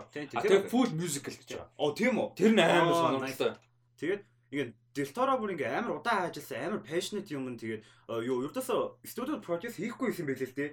Тэгэж тэгэж явж байгаа Netflix project хийсэн гэлээ. Тэгээд тэгээд ийм амар Deltoroгийн амар passionate project гэхээр бүр ингээ хайптай фок. Тэгээд Deltoroгийн ер нь unrealized project бүр амар их штэ. Deltoroгийн Hobbit ямар болох байсан бэ? Jesus. Йоо бүр амар гой болгосон байхгүй. А тэгээд амар гой юм нь юу вэ гэхээр бас нэг одоо энэ аль хэдийн гой юм дээр нэмээд юу гэхээр хөгжмийг нь Alexander Desplat болчихж байгаа. Nice. Бүр perfect бүр бүр төгс таарна Alexander Desplat. За тэгээд нэг иймэрхүү юу байна аа гоё мэдээлэл байна. За дараагийнх нь чиний Делторогийн ер нь чи их Делторогийн кинонд хэрэг үзөө ер нь favorite кино байна. Э, би Делторогийн кино бараг үзэж байгаа хөө. Past Labyrinth-аас хойш бараг үзег байна. Тэгээ ер нь бусдын нэг үзэж байгаа тийм. Hellboy-г үзчихсэн. Гэтэ үзэн гэж хэлээд хэцүү. А зүгээр нэг харцсан хараад өнгөрцөн. Тийм. Окей. За А ер нь үзээрэй. Plate 2 байна шүү дээ. Би Plate 2 дуртай тийм. Тийм Plate 2 байна шүү. Гэхдээ би тэр хиний нөгөө нэг юу мөг үзэж байгаагүй. Нөгөө early canon-уудын бас үзэж байгаагүй бол үзэх хэрэгтэй л. Аа Mimic энэ гэдэг. Тийм Mimic энэ. За дараагийнх нь мэдээлэл болохоор Leslie Grace гол дүрдэн тоглож байгаа сая анх зураг цацагдсан Batgirl гэх кино байгаа. HBO Max дээр шууд орж байгаа. За тэр кинон дээр өө энэ нохооч юм болохгүй байна. Майкл Китон Майкл Китон а Брюс Вейнийхаа дүрээр Батманыхаа дүрээр эргэж ирж байгаа юм байна. За энэ дээр яа юу гэж бодож байна? Би бол DC-ийн нэг юм гэдэг мэдгүй. Гэхдээ ингээд нөгөө Майкл Китон яг нөгөө юм дээр Flash дээр их айгу big deal байсан шүү дээ. Тэгж байгаа өстой байсан бол. Гэхдээ тэрний хариу зүгтэй болов уу. Тэгээд ингээд хоёр юм дээр байхлын гоё юм халаа ичих юм болов уу гэж. Дээрээс нь ач холбогдол яаж зүгээр яг яг яг universe дотроо яаж холбож байгаа юм бол гэдэг амар сонирн байгаа. Тэгээд нэг тийм гоё юм аллаа тэгээд тэг байдаг юм болчих юм болов уу гэж тоо. Тэгээ одоо зүгээр бодолтой ингээд No Way Home дээр Toby Maguire хоёр гарна гэж зүгээр нэг юм сонин зарлцсан бол тэгээ зарлаачгүйгээр зүгээр нэг юм мэдээллийн сайтуудаар тэр мэдээлэл нь гарчвал амар тэнийг үстэй. Яг rumor явжсэн л да. Гэтэ эн чинь бүр official байгаа. Аа тэгээд Аа яа тэгээд тэр Leslie Grace-ийн Batgirl-ийн зураг гарсан байсан. Тэр нь тэгээ нэг тийм сонин юу шиг CW-гийн юм шиг л харагдав. Гэхдээ бүр их нэг 2000-ад оны баг нэг юм уу шиг. Бараг Matt Murdock нэг юм Ben Affleck Matt Murdock тэгээд Catwoman зам тийм Catwoman энэ шиг. Тэгээд дээрэс нь энэ кинон дээр нь J.K. Simmons Jim Gordon-доо тоглоно. Аха. Яг гоо excited байгаа нэг юм хэл Brendan Fraser эсрэг дүрд нь Firefly тоглож байгаа. Тэр бол exciting. А тэр бол сонирхолтой санагдаж байгаа. За гэхдээ энэ DC-гийн юм яагаад зүгээр замбраатай явж болдго юм бол доо л гэж боддог доо. Майкл Кейтэн гэхдээ надад бол Batgirl дээр шал хэрэггүй санагдаад байна. Гэхдээ тэ ядаж гарч ирсэн сюрприз байсан бол тэ. Тийм. Харин бүр ингээд 80 эд оны ингээд франчайзын үнийг авчирч ээж ингээд сонин зарлаад хийчихлээ. Тийм. Тэгээд нэг тийм нэг тийм гоё зарлж байгаа юм шиг бас зарлахгүй тэ зүгээр л мэдээллийн сайтууд мэдээлэл авснаа окей. Тэгэхээр ч жоохон харамсалтай. За дараагийнх нь болохоор а энэ нэг тренд байгаа юм. Энийг даадгүй дээр бас нэлээд дээр подкастаар ярьж байсан. А гараагүй байгаа зохиолыг адапт хийж зураг кино хийдэг юм байдаг болчиход байна. За одоо дараагийн нь бол тийм ба. Mickey 7 гэж нэм новел гарч байгаа юм science fiction. Энийний одоо гараагүй байгаа зохиол гэсэн үг шүү дээ. Энэ зохиолоос сэтвсэн бүрийн хэмжээний киног Бон Жун Хо зохиолын бичиж найруулсан болж байгаа юм. Аа тэгээд гол дүрдээ бол Роберт Паттинсоныг тоглуулах талаар ярилцж байгаа. Энэ тодорхой болов. Тий энэ цокс баггүй юу? Ерөнхийдөө яригдж байгаа юм байна. За тэгээд аа энэ бол яг уу амар сонирхолтой fantasy sci-fi хоёрыг холцсон заяа. Энэ юу гэж байна штэ нөгөө нэг юуны Norse mythology-д нөгөө 9 одоо Yggdrasil гэдэг штэ Tree of Life те нөгөө 9 ертөнц байдаг. Vanaheim юу Asgard, э, Midgard энэ төр гэлтэй. Аа Fame гэх. Тэрэн шиг нөгөө нэг э, Niflheim гэж байдаг. Niflheim болохоор Ice World. Тэгээ энэ дээр Niflheim. Colonize хийх гэдэг. Тийм. Тэгээ Niflheim-ыг ингэж одоо colonize хийж байгаа хүний тухай юм хүний тухай хүн байсан. Хүн ч юм уу робот. Тийм үү. Ингээд тэр одоо Mickey 7 нь өгөхлөөр Оронд нь 8 8 гарч ирээ тэгээд ингээд ингээд авсан ингээд бүх experience энэ шууд 8 руу очиж тийм билээ. Тэгээд клон болоо гараад ирж байгаа. Тэгснээ үргэлжлүүлээд тэр мишнийг ингээд тийм үргэлжлүүлээ. Тийм. Нэр нилээн weird бас сонирхолтой гэвдээ сонирхолтой. Тэгээд за. Тэгээд одоо ингээд надаа олон улсын уран бүтээлчд ингээд хангалттай баажтай аваад Тэгээд ингээд ийм том ингээд төслүүд оролцож байгаа гоё гоо байхгүй нөгөө Орбогийн хэм блэ? Багчамук. Багчамук. Тий, Багчамук ч гэсэн нэг тийм том project оролцож байгаа шүү дээ. Тий, тий. Багчамук ч ер нь Америкт юм шүү дээ. Нөгөө нэг Little Drummer Girl энэ төр гэж зургуулсан муу шүү дээ. Ийм Florence Pugh мэтэ. Харин тэгээд одоо ингээ олон улсын уран бүтээлчид ингээд амар том бажет аваад том кино хийх ингээ боломж олдож байгаад амар баяртай ба. Тэгээд Bon Jovi ингээд одоо нэг арай өөрөөр харна. Одоо ингээ тэр нь амар гоё байна. Тэг илүү western юугаар харна шүү дээ. Одоо бүтээлийн өнцгөөс sci-fi байна гэхээр бас гоё байна. Тийм. Гэтэ epic sci-fi гэхээр бас урамтай те. Bon Jovi-оос тийм гарна. Тэгээ Warner Bros дээр хийгдэж байгаа. Тэгэхээр budget budget асуудал тийм. Nice nice.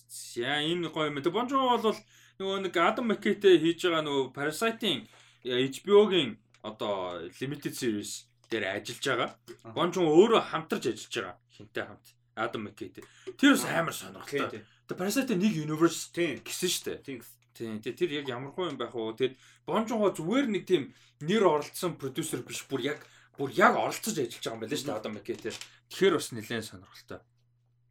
Аа санагдаж байгаа. За энэ project бол Кино нь одоохондоо тодорхойгүй нэр нь. А зохиол нь бол Mickey 7. Аа за дараагийнх нь а болохоор Wes Anderson-ы шинэ уран бүтээл. За Netflix дээр хийгдэж байгаа.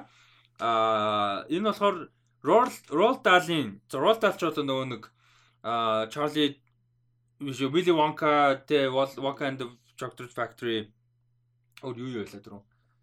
Матилда. Тийм Матилда энэ төр гэдэг амар олон хүүхдийн алдартай. Fantastic Mr. Fox. Тийм. Зохиолыг бичсэн зохиолч Roald уус хүмүүс мэдэх баха. Монголоор ч гэсэн орчуулагдсан байдаг шүү дээ зохиолууд. Тэрний The Wonderful Story of Henry Sugar and Six More гэдэг одоо зохиолын цуглуулга байдаг жижигхэн богино хэмжээний өгүүлбэрүүд гэх юм да. Тэрний цуглуулгыг бол одоо бүрийн хэмжээний кино болгож Netflix дээр хийхээр болж байгаа юм байна. Wes Anderson. Тэгээд одоо гол дүр буюу Henry Sugar-т нь Benedict Cumberbatch тоглоно. Тэгээ Benedict Cumberbatch Henry Sugar-аас гадна бусад сторинууд дээр нь өөр кинонд нь тоглоно. Тэгэхээр энэ антологи гэсэн үг. Нөгөө Ballad of Buster Scruggs энэ шиг. А нэг үргэлж кино ш. А тэгээд э, жүжигчдийн бүрэлдэхүүнд нь Benedict Cumberbatch сайн хийсэн. Тэгээд дээрэс нь Dev Patel, Ralph Fiennes хин Ben Kingsley гэсэн жүжигчдийн бүрэлдэхүүн бол байгаа. За энэ дээр юу гэж бодож байна?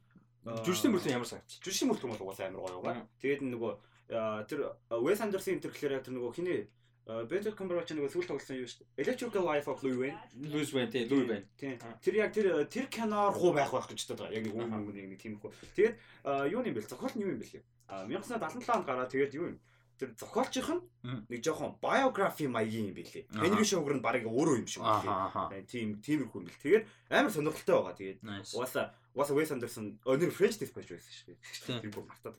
Тийм. Wes Anderson гэхээр ялчгүй нэг Wes Anderson юутай л кино олон л доо нэг тийм им төрслөлтэй өнгөтэй бүх юм нэг юм симметриктэй OCD-тэй хүмүүсийн баяр хүргэмээр ийм кино л болох байх л та. Аа за тэгээ дээрнээс нь Netflix дээр гэдэг бас амар сонирхолтой. Ягаад тэгэхээр Wes Anderson ч яг дандаа нэг тийм том ярилцлага өгөө тэгээд идэггүй ч гэсэн яг нөгөө одоо синематтэй кино театр кино театр тавих хэрэгтэй гэдэг одоо урам цөөхөн үлдсэн том уран бүтээлчдийн нэг штэ. Тэгээд Netflix руу бас шинэ юм хийж ийн гэхээр бас нэлээд сонирхолтой л байна. Тэрийг зөрчиж байгаа ч гэх юм уу. Тэгээд Nolan харсан чинь ингээд яг яг л үе сандарсан бүр ингээд очих хэрэгтэй билээ. Яг л таарж байна. Nice nice nice. За нэг юм байна. Тэг би Dev Patel-ийг бас байгаад амар баярлж байна. Dev Patel-ийн карьер гоё явж байна. Green Knight гоё явсан.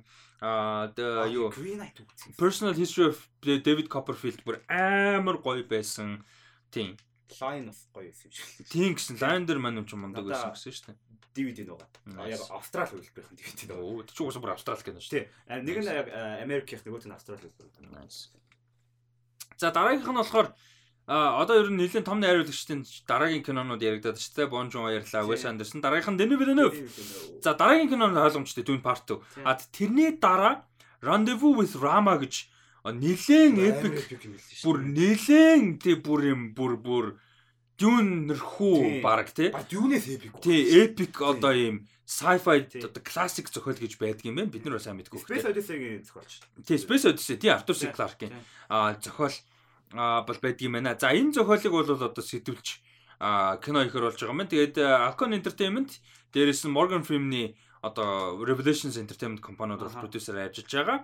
А тэгээд а тий За нэг юм байна. Энэ киноны бас сонирхолтой энэ Rendezvous with Rama гэж зохиолын одоо киноны эрхийг Morgan Freeman яг Revelations Entertainment компани дээр 1973 онд эрхийг авсан байсан юм байна.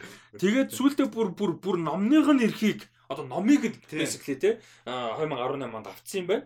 Бас сонирхолтой. Тэгээд Arthur C. Clarke-ийн зохиол нас хүн төрөлхтний ингээ нэг хідэн том одоо эксплорерууд те сансарт ингээ явж байгаад ийм харь гаргийн одоо spaceship болоод тэр spaceship нэг манай нарны систем дунд ингээд нарны нарны юу гэдэг вэ? Нарны аймаг. Нарны аймаг yes. Нарны аймаг донд ингээ явж нь олоод тэгэнгүүтээ энэ одоо юун дээр одоо очоод яг хүн төрөлхтний анхны хайр гэргийн амьдралтай одоо харийн амьдралтай ингээ first contact хийж байгаа story. Бүр юм нэлээд сүртэй epic гэсэн. Аа тэгээ 20 жилийн journey journey инээтрэг бахан юм яриад. Тийм. Ийм байна. Энэ дээр ямар хүлээлттэй юу гэж бодчих. Дэне Villeneuve бол sci-fi дээр угаасаа байх тийм. Тийм. Дэни Вильневиг ингээ та нэг жижиг юм л ороосоо гэдсэн шүү дээ. Яг тэгээд тэгс чи дахиад том болоод ирсэн гэ. Тэгээд гэхдээ надад бол ингээ том юм а хийгээл яваа. Тийм тийм. Хэвэл бас гоё л. Тийм энэ бас гоё сонсог. Угаасаа ийм амар том sci-fi ud угаасаа Дэни Вильнев бас амар хүлээгээд байгаа шүү дээ. Тэгээд тиймэрхүү ингээ одоо э, бид энэ Random Drama-гийн яг нэг юуг нь харсан зургуудыг харсан. Яг нэг тийм нөгөө номноос нь ингээд гар зураг дээр амар эпик юм билээ ёо бүр тэгээ. Яг Дэни Вилленов шиг хүн л хийгээр юм билээ. Тэгж харсан. Тэгэд яг би жижиг юм бол амар хийх хүсч тэгэд мань хүн бол юун дээр ажлууд бол ажиллана дээ. А Dune-ийн нөгөө The Sisterhood гэж зураг байгаа. Тэн дээр ажиллахад бол ажиллана. Яг өмнөгшгөө бүтэн шоураннер хийхэ болцсон. Гэхдээ оролцсон бас найруулж ажиллаж байгаа зарим эпизод дэр. А тэгээд тэр юу бас байгаад байгаа Жэг жил наалдаа хийж байгаа жижигхэн миний сур тэрийг бол баг хийчихвэх гэж би бодоод байна. Гарууд бол тиймэрхүү зурлыг зохиолн болцсон байхад бол продакшн бол дөрөө явчих штеп. Тэгэхээр Randowy drama ч өөрөө амар том project. Тэгэхээр ийм том project ч нөгөө айгүй олон сар жилийн нөгөө pre production concept art mart энэдэр гэж явдаг. Previs энтер гэдэг тэгэнгүүт яг previs жоохон дараа л та. Тэгэнгүүт юу явах вэ? Тэр хийх юм байхгүй юм аа. Хаана хийх нь? Warner Bros. дээр мэн. Гэхдээ нөгөө улс нь А мэдгүй. Уус Warner Bros. тэрхээр яг уусынхан зургийн болт нь хаана гэдэг би анзаарсангүй тий. Ямар ч үсэн тэгэнгүүт нөгөө тэрнээ зэрэг хийж байгаа ч би бодоод байхгүй ийм том project-ийнхаа pre-production хийж хугацаанда нөгөө жиг жил нь алдаа хийх чам. Би тэрийг бас хийчихсэн гэж найдаад. Ягаад тэгэхээр Denis Villeneuve яг нөгөө залуу байгаа дээрээ бас яг яг том юм их нь гоё бүгдийг нь угаасаа үзсэн хайптай гоё. Гэхдээ тэр нэг өөрийнх нь passion project жижиг юмнууд бас хийдээсэ гэж амар хүсэж байна. Одоо чинь юу л ахгүй да. Taika Waititi жишээ нэг Ragnarok-ийн өнгөтэй Love and Thunder хийж явах дундаа жишээ тэр нэг анимашн нэг шинэ юм хийж байгаа шүү дээ. Тэг хийж байгаа. Тэнгүүдээ Jojo Rabbit хийсэн шүү дээ, баггүй. Ингээд нэг тийм дундуур нь гоё юмнуудаа хийгээ явсаа гэж амар хүсэж байна. Яа, Denis Villeneuve энэ би бол бүр үнэхээр хайптай байгаа. Яа. Номын олж уншд юм уу? Харин тэгвэл гоё юм байлээ. Гэхдээ үдчихэд уншвал Харин яг нөгөө кино гэдэг хүмүүстийг тэгдэг те. Би сая нөгөө Expanse дууссан байхгүй юу? Бүр яг Sean бүр ингээд The Final Season, The Final Episode дууссан бүр амар гоо дууссан. Тэгээ чи үзээрэй. Би угаасаа үзнэ. Тийм. Яг яг хоёлаа боц дээрс тэ бооцоож байгаа байрс тэ. Тийм. Чи Expanse үзэнгүүт би Warrior үзсэн. Тийм тэгээ Expanse сая дууссан. Тэгээд одоо би намын уншина гэж бодож байгаа. Бүр яг тэгээд нөгөө Game of Thrones чи би нөгөө дуусгах чаад намын биш ээ. Аахгүй Game of Thrones чи би дуусгаагүй багт хэлүүлсэн. Гэтэ Game of Thrones ч тэ цохолон салаа явцсан л та өөр юу юу ч лээ. Одоо Dune байна. Dune-ийг би бүр яг одоо бэр яг унших гээд байгаа байхгүй. Dune та уншаад үзэрэй байхгүй. Dune нэлээд политик айгүй политик. Би нөгөө юу яасан байхгүй. Гэтэ тэр нь айгүй зүг болсон. Dune яг эхний нэг 20 30 удсан дээр айгүй хэм тайлбарчдаг байхгүй. Тайлбарладаг биш гардаг байхгүй Quizas Haderак тэгээд нөгөө Gomja Bar тэгээд нөгөө мэсэн байгаа шүү дээ. Тэр мээр амар тайлбарлчихдаг байхгүй. Тайлбарлаж чи гаргачтай. Тэгээд би тэднийг нэг гарч ирэх болгонд ингээд уншаадсан байхгүй. Тэгээд Dune-ийг үзэхээс өмнө тэгээд яг ингээд тэгж чад амар их юунд мэдээд орцсон байхгүй. Mentos гэж юм, Spice гэж юм, тэгээд Bar юу юм тэр тэгээд тэр Sisterhood чи үгээд түлээ тэднийг чаа. Аа. Нөгөө юу хийнэ? Sisterhood тэрний чи юу? Оо sister өө яна сайн мэдчихсэн ч марцчлаа. Харин тэр мэрийг ингээ мэдээд орсон. Тэгээд яг унш юу харчаад уншуулгоё. Бүр яг би бол тэгэж таа. Гэтэ өмнө жоох мэдээлэлтэй байв л тэгвэл. Oh shit. Өө түрүү тэр хилцэн подолк байгаа штэ. Fuck. А тий штэ тий. За за яг яг ингээ нэг юм мартчихаар яг санддаг юм аа. За За тэгээд Denis Villeneuve бол үнэхээр бодоо болгож байна. Part 2 гоё байгаасаа. Тэгээ Part 2 амжилттай болох юм бол юугаар аа энэ хоёр дахь Children of Dune гэдэг Children of Dune-ээр юу ийн гэдэг шүү дээ. Кино хийн гэдэг байгаа. Хэрвээ амжилттай болох юм бол. Дээр үеийн киноны үд юм бил шүү. Тэрэнд нь James McAvoy тоглосон. биш ээ цуврал уу? Цуврал тий. Тийм цуврал. Тийм тэгээд аа юу Тийм та тэгээд юуныг уншаарай. Уншаад ямар вэ хэлээрэй. Би нэг 100 хуудас л явуулсан уу тэгээд. Би яг Sandman-ыг нэг аудио бук гэдээ дуусгах. Би тэгээд юуныг бас аудио букаар сонсдог мөгөж бас нэг бодоод байгаа юм. Гэтэ юу байг юм аа. Аудио бук тэгтээ бас нэг юм нөгөө нөгөө хуудасаар унших чинь за яг paper цаасаар унших digital унших бас нэг ялгаатай. Гэтэ зүгээр текстээр унших нь нэг тийм үг нь толгойд буудсан шүү дээ. Импринт хийгдсэн шүү дээ, тий. Одоо чинь чи жишээ нь ингээл тэнцээ юу гэдэг гом жабар мабар гингүүт яг тэр нэг гом жабар гэж бичсэн толгойд бууж ингэж яаж шүү дээ. Тэгвэл аудио бүгд хийдгүү. Айгу хэцүү нөгөө нэг дээрэс нь бидний хувьд англи хэл чинь хоёр дахь хэл шүү дээ. Тэнгүүд ингээ нөгөө бүх юм нь бүгд ингэж нөгөө шууд инсталдах тийм тийм тийм. Яг ойлгож л байгаа л та. Гэхдээ нэг бүтэн тэгдэггүй. Тэгээ дээрэс нь аудио юм бас хэцүү чинь. Яаж хийж байгаа юм хийж байгаа сонсдог. Тэгээ хүн чинь ингээд нэг тийм гараа ингээд үр дээрээ тавиад те гизээ хэлээд ингээд чимээгөө сонсч аудио бук сонсохгүй шүү дээ. Ямар нэг байдлаар юм хийж байгаа. Тэгэхээр нөгөө яалчгүй сатарт юм байна. Тэгэд Sandman-ыг би бүр ямар сандаа бүр амар гоё продакшнтай болохоор одоо би бүр ингээд цаг гараа сонсч ингээд юу яахгүй байгаа. Ийм өнгөцөн юм хийх дээр сонсохгүй. Нэг тийм аяг угаах эсвэл юу гэдэг нэг тийм ормор тасдаг ч юм ингээд нэг тийм бүр цэвэр механик ажил үүдэн шүү дээ. Толгой бүр ингээд ямар ч ажиллахгүй тийм юмн дээр л сонсч иж байгаа. Тэгвэл машин барьдаг ч юм уу гэртээ ингээд өөр нэг юм хийхдээ ажил мэжлийг ч сонсно гэж байхгүй. Жохон л анхаарал хандуулах шаардлагатай юм хийх юм бол аудио ингээд би нөгөө номоо хайрлаад байгаа байхгүй гойд сонсгоод. Тэгээ тийм болохоор бас аудиобук одоо одоо султалтай жаашаамдээ зүгээр амар зорж явах хэрэгтэй байлаа. Тэгээд аудиобук ингээд сонссны бас нэг ингээд уншихгүй сонсохын бас нэг юм зохиолчин гоё юм алдчих гад байдаг байхгүй юу? Ингээд одоо яг Dune-ийг шууд сонс гэж бол би бол хэлэхгүй. Яг Dune ингээд тэр нөгөө Frank Herbert-ийн амар weird English зөө бүр ингээд амар муухай сонио англи хэлдэг. Бараг өөр англи хэл зохиосон шиг. Яг нэг team англи хэлийг нь яг зүгээр уншаад өөрөө яг тэрийг нь амар гоё process хийвэл гоё. Яг тийм баг. Тэр нөгөө номыг бас уншичаад сонсох зүгээр. Түл амар байдаг тийм. Би Godfather-ыг сонсох амар дуртай. Яг ингээд маань маань нөгөө нэг Dune spoiler cast тэгээд нөгөө номыг орчуулж байгаа маань найз орчихсон шүү дээ. Орж орсон шүү дээ. Тэгээд маань найз юу яаж байгаа юм бэлээ? Аа Sandman-ыг бүр яг graphic novel-ыг нь аудио бүктэй зэрэг ингээ явж байгаа гэсэн. Яг аудио бүкээ сонсоод тэгээд нөгөө яг тэр хэсгийг зэрэг уншаад ингээ явж байгаа бүр амар. Би яг тэгж Тийм. Би Sandman эхлүүлсэн. Автосанд нөгөө нааша ирж байхдаа өчигдөр өчигдөр нааша ирж байхдаа ингээ Sandman ингээ уншинга сонсоос амар гоё юм. Тийм баг. Уншинга сонсвол айгүй гоё юм. Яг Sandman бүр үнэхээр epic бүр тэр production бүр epic байгаа. Тэр нөгөө яг James McAvoy гэсэн. Тийм James McAvoy. Яг тэрээс тэр чинь юун дээр goldenaudiobooks.com гэх тэр дээр үнэхээр. Nice. Тийм. Nice. Тэр бүр амар гоё. Чи Audible шууд ажиллах болох гэдэг нөгөө. Амар гоё юм бэлээ. Би тэр нэг амар юу амар гоё нэг автоос автоос сонсох гоё билээ. Тэг тэр угаасаа яг өөр юу ч хийхгүйгээр харин. Тэг би ингээд нэг ганц хоёр удаа өөр юм яаж байгаа сонссон чинь бүр ингээд деталь алдаад тэг нөө нэг чаптрууд нь хоорондоо шаал хамааруулах юм шиг явж яснаа хоорондоо бараг 10 15 чаптрын зөрүүтэй явж исэн нэг дүр зүгээр 업 гэдээ дурдаг өнгөрчин. Тэрийг нь ингээд ямар фреш байгаад анхааралтай байж сонсч өнгөрөхгүй л болвол тэгэл анзаарах өнгөрнө.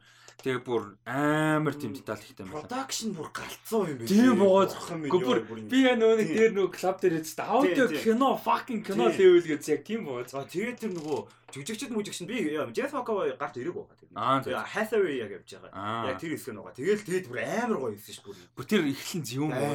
Яа тэгээд яг нөгөө яг хэлдэг ш нөгөө Nail Game-ын уншаад нөгөө ингээд нөгөө юу модтэйгээ. Яа тэр бүр ингээ амар intro хэлсэн shit бүр. Амар. Амар.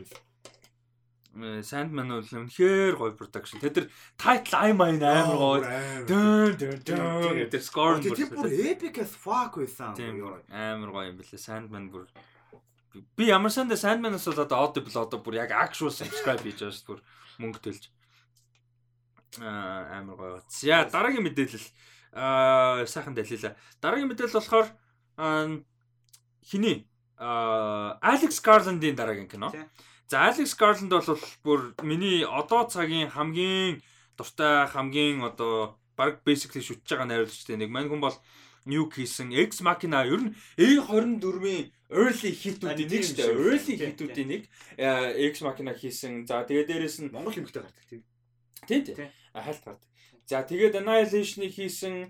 Тэгээд Devs гэж мундаг цувралыг хийсэн. Тэрийг Datco Victor баг эпизод болгоныг ревю хийсэн.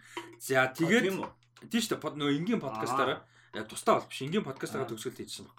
Аа тэгээд одоо хоёр project-ээр ажиллаж байгаа. Нэг нь болохоор Rory Kinnear, Jesse Buckley хоёр тоглож байгаа Men гэдэг аим шин кино байгаа. Тэр киноны зураг авалт нь найл өнгөрсөн оны одоо 21 оны 5 сард дууссан. Тэгэхээр энэ онд бол а нээлттэй хин Men гэх кино байгаа. За тэрний дараагийн кино нь бол тодорхой болсон. За тэр нь болохоор Civil War гэдэг нэртэй action гэж байгаа. Бүр action epic.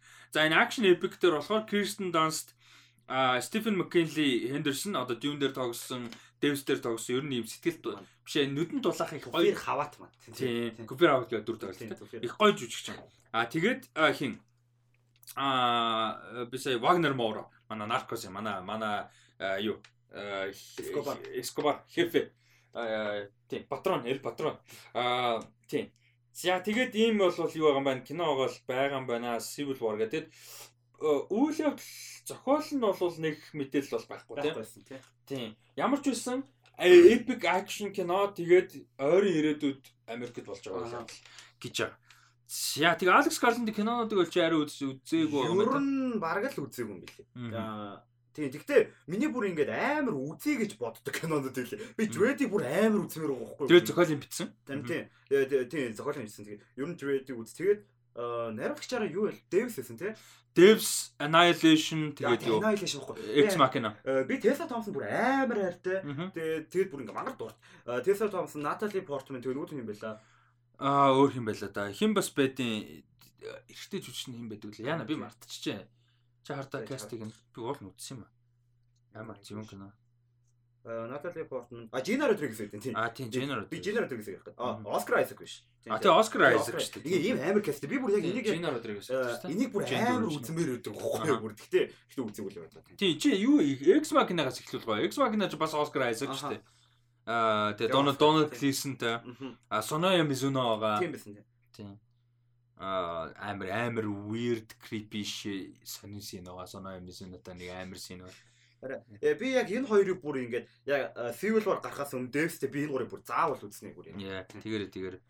Devs нэлээд удаан шүү. Амар удаан. Бүр амар удаан. Гэтэ гоё. Соно юм эсвэл аа хүний үсгэж хүний нэр амар өөрчилж байгаа шүү.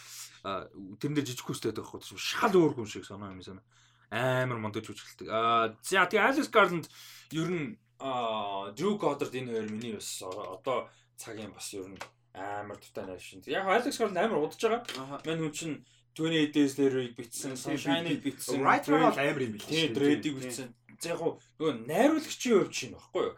Түүнээс биш яг нөгөө filmmaker гэдэг утгаараа бол бүр амар олон жил болж байгаа. А баг Denis Villeneuve-с өмнө ихсэн байгаа шүү дээ. Тийм билээ. Тийм, тийм гараа. За тэгээд дараагийн мэдээлэл болохоор Luca Guadagnino дараагийн уран бүтээлээр юу хийхээр болсон юм бэ? Audrey Hepburn-ы одоо biopic те одоо карьерийн амьдралын тухай кино хийхэр болсон юм байна. Тэгээд Apple TV дээр Apple TV Plus дээр гарах юм байна тэр кино. Аа тэгээд Rooney Mara тоглох юм байна. Бүр яг perfect casting те. Аха тийм тийм тийм. Чи энэ Audrey Hepburn ч юм уу энэ үеийн бүтээлүүдээс үдчих амжсан уу? Би тэр үед амар дуртай. Яг Buster Keaton дагаа авахлаар угаасаа тэр үед л орд юм билээ. Яг тэгээд чи бол бүр эднэрээс өмнөөс нь эхэлж байгаа гэсэн үг Buster Keaton. Би ингээ дагаа яваад байгаа байхгүй юу? Тэгээд одоо би яг Toki дээр явж байгаа яг Toki pre-code үе гэж. Тийм тэгээд яг Audrey Hepburn-ы нөгөө Charade гэдэг байдаг шүү дээ. Яг хамгийн iconic дүрүүдийнх нь тэрний юун дээр үдэн. Төби дээр үд юм бэлээ. Нөгөө үнгүү үд юм бэлээ. Төби дээр? Тийм төби дээр үнгүү үд юм бэлээ. Тэгээд Audrey Hepburn амар би тэрийг сайн мэдэхгүй гэхдээ амар гоё ярагддаг шүү. Тийм. Audrey Hepburn ч бүр амар леженд дээр. Леженд билээ бүр. Тийм тэгээд нөгөө карьер нь хамгийн гол амар сонирхолтой нь өөрөө ингээд нөгөө амар humanitarian тэ нөгөө нэг ийм зөв юм хийх мих нэтэрэ гэдэг ингээ зөв үлгэрч болох амар юм нөгөө Холливуудын тухайн ялангуяа өөрийнхөө үеийн Холливуудын эмэгтэйчүүд дундаас ингэж нөгөө карьерт хүрч чадаагүй хэмжээнд хүрээд яг амжилт гэдэг утгаараа тийм хөө үний амжилт гэдэг утгаараа бас яатсан бас амар ховор А тийм нэг байсан. Тэгээ Рүни Мара бол бүр яг гоё. Яг гоё. Зүгээр Лукаку Аданино гэхээр яг юу хүлээхээ мэдэхгүй л байна л да. Амар Comic Buyer, Comic Buyer Name, Suspiria тэгээд нөгөө нэг цуврал нь юу вэ? HBO-д гардаг. Тэг яг нэг VR VR орчлоо. Лука Кваданино нэг тийм амар юу юм бэлээ. А versatile гэж ярьдэн штэ. Ийм хуурч чаддаг. Уран бүтээлч юм байна найруулагч тийм. Айгу олон төрлийн юм хийж чаддаг айгу сонирхолтой тийм найруулагч юм байна. Та Audrey Hepburn-ийг кинонд үзчихсэн үү? Үгүй үгүй би байгаа. Би тэг юуг амар гоё зохион байгуулсан шүү дээ. Бүр бүр official зохио эргэтэйгээр Breakfast at Tiffany's-ийн үзүрийг iCinema дээр зохион байгуулж тэр өдөр өөр авч. Йоо, яар хасалтай наа чи. Би тэр үзүрийг 19 оны 100 гаргачаад тэгээд би өөрөө очиж чадаагүй тэр үзүр. Юу яагаад Audrey Hepburn-ийг сайн нөгөө сайхан нөгөө юу яагаад манд миний DVD Blu-ray авдаг ах. Тэр ах яг бүр амар гоё коллекшн хийсэн. Тэр коллекшн авахгүй явж явах яг хараад кинонд нарж ирсэн. За тэгээд ерөөдөө мэдээлэл дуусах тал руугаа орчин. За энэ жилийн Оскар бол хосттой болох уугүй гэдэг айгүй их юм яригдсан. Тэгээд ер нь олон хосттой болж магадгүй гэсэн юм бол яригдж байгаа юм байна. Тэгээ нөхдөө сая нөгөө пандемик нэтэрээ тэр Кевин Хартийн Фейл Центр гэдээ бас нөгөө юу яаж чадаагүй хосттой байжулж чадаагүй э, олон шалтгаанаар тэгээд одоо бол ер нь хосттой хийх бол болохгүй гэж үзэж байгаа юм байна. Тэгэд сайн нэг хэсэг нөгөө хим ингээ яригдсан шүү дээ. Том Холланд молн тэгээд Дуэн Джонсон Монсон ингээ яригдсан. Одоо болохоор яригдж байгаа юм нь болохоор бүр юу яа те олон хосттой байя. Хоёр одоо нэг хоёроос олон хосттой гэсэн юм яригдж байгаа юм байна. А тэгээд тэрнээс гадна Оскар дээр мэдээлэл өгөхөд ер нь таймлайн өгч. Одоо Оскард өгч байгаа учраас Оскарын кинонууд дээр ревю орно. 21 оны одоо favorite list орно А тэднээс өмнө нэр 22 оны хүлээлт видео орно шүү нэр. Тийм тэрийг нэр одохгүй хийнэ. А тэгээд Оскарын ер нь юуг харъя. А таймлайныг харцгаая хэдүүлээ. За. А нэр дараа 7 хоногийн биш ээ дараа дугаараас 132 дахь подкастын төгсгөлөөс нөгөө award season-ы лист орж ирж шүү. Эпизод 7-ны төгсгөлд нөгөө ямар ямар кино хэдэн шагналаар тэргүүлж явж байгаа гэсэн орж ирж шүү. За а 1 сарын 27-нд буюу энэ дөрөвт өдөр номинашны одоо vote санал хураалга эхэлнэ. А тэгээ 2 сарын 1-нд номинашны vote дуусна. А тэгээ 2 сарын 8-нд номинашн зарлагдана Оскарын номинашн. За тэгэхээр 2 сарын 8-нд хідэн цагаас нь ер нь Америкта өглөө байдаг юм да. Тэгэхээр 2 сарын 8-ны орой Монголд гэсэн 20 өдөр юу гэсэн үг шүү. Хэдүүлээ лайвтай гэсэн үг шүү лайв хийн. Оскар номинашн зарлахад бол шууд лайв үзээд лайв хийгээд явна. Лайвыг нь лайв, лайвыг нь лайв үзээд явна. Аа, лайвыг нь лайв реакшн хийгээд явна. Шууд лайв гэдэг. Биш шууд лайв. Шууд лайв. За, зөвлөж шүү дээ. Лайв дээр нь лайв хийж лайв реакшн. Биш лайв дээр нь лайв хийж лайв тийм байх зөв юм байна тийм. Аа, тийм байна. Аа, тэгээд 3 сарын 17-нд nomination дундах одоо юу нь эхэлнэ. Vote нь яг одоо final vote тий. Final vote яваад 3 сарын 22-нд final vote дуусаад 3 сарын 27-нд а Academy Awards болох нэ. За энэ жил ягаад энэ 3 сарын 27-нд болоо болж байгаа нөхөр нэгдүгээр өнгөрсөн жилийн Оскар чинь 3 сарын 28 хүртэл кинонуудаа хүлээж аваад аа тэгээд 4 сард болсон. Аа тэр нэг нэг асуудал нь тэр. Аа тэгээд дээрэс нь нөгөөх нь юу вэ гэхээр Энэ жил өвлийн олимп болж байгаа. А тэгээ дээрэс нь юу вүлээ? Супер боул молчлоо. Мэдгүй нэг тийм Америкт нэг юм байсан. Супер боул байгаа шүү дээ. Амар нөгөө юу те. Нөгөө Dr. Dre гэдэг юм шүү дээ. Eminem энэ төр. Snoop Dogg те. Тий, тэр чин болно. Тэгээд ерөөхдөө жоохон хашилж байгаа юм байна давцахгүй гээд. За тэгээд энэ жилийн Humanitarian Award-ыг Danny Glover авч байгаа юм байна. Honorary Academic Oscar-ын шагналыг Samuel L. Jackson Oscar-тай болж байгаа юм байна шүү дээ. Honorary нэр төрлийн Oscar-тай болж байгаа юм. Elaine May тийм байна. Элен Мэй гэж бас энэ уран бүтээлч юм комедиан найруулагч зохиолч амар олон төрлийн авьяас тийм юм уран бүтээлч байт юм авч байгаа маань. Нөгөөд нь Liv Ullman гэж бас зохиолч найруулагч жүжигчин. Европын одоо хамгийн агуу жүжигчдийн нэг гэж яригддаг гэж шүү. Норвег жүжигчин бас honorary Oscar авч байгаа юм байна. За Самуэль ах маань бол honorary Oscar авах нь шүү. За нэг ийм юм бол байгаа маань. За тэгээ өнөөдөр сүүлчийн мэдээгээр ерөнхийдөө миний сонирхлын дагуу орж оруулж ирсэн мэдээлэл байгаа. А манай сонсогч тунд яг Формула 1-ыг үздэг хүн хэр байдгийг би сайн мэдэхгүй байна. А Формула 1-ийн Netflix дээр амар алдартай Drive to Survive гэж зураг байдаг. Formula 1 гэдэг одоо баримтат зураг docu series амар хит болсон. Энэ зурлын хит болсны ачаар дэлхийд даяараа Formula 1-ийн үзэгчдийн топ бүр ингээд маш ихээр нэмэгдсэн. Тэгээд Аа тийм. Ер нь бол амар спорт болсон. Тэгээ би бол яг уу формула одоо амар анханасаа дуртайсан ингэ хайшин. Гэхдээ Шумахер энтриг те Кимир Райконен Фернандо Алонсо энтрийн үед л мэддэг байсан одоо үздэг байсан болох болох гэдэг. Гэхдээ одоо Миха Шумахер энтриг леженд багт нь би ч үзсэн шүү дээ те. А тэдгийн болохоор мэддэг өстэй Льюис Хамилтон бүр амар залуу fucking идтэй 21 2-т 20 мэг юмхтэй 2008 онд Формула 1-ийн дэлхийн одоо чемпионшип төрүүлэлт нь би бүр яг мэдчихсэн. Манай ахын найзууд тэр яг үздэг байсан. Би мэдээллийн дагж ирсэн. А тийм учраас бас ингээд одоо юу гэдэг сонирхол бол байдаг. Мэддэг гэж бол бодлоо ярихгүй. Тэгээд энэ жилийн Формула 1-ийн чемпионшипыг сүүлийн 3 4 гран-приг нэлээд дагсан. Сая сүүлийн гран-при амар юм болсон. Бүр ингээд бүр 0.5 таага оноо тэнцэж бүр ингээд сүүлийн гран-при эхэлж имтгэлсэн амар юм болсон. Verstappen төрүүлсэн. Тэр нь нэлээд асуудалтай юм болсон. Одоо тэр сизон юу болно? Бас ингээд докюментари болно.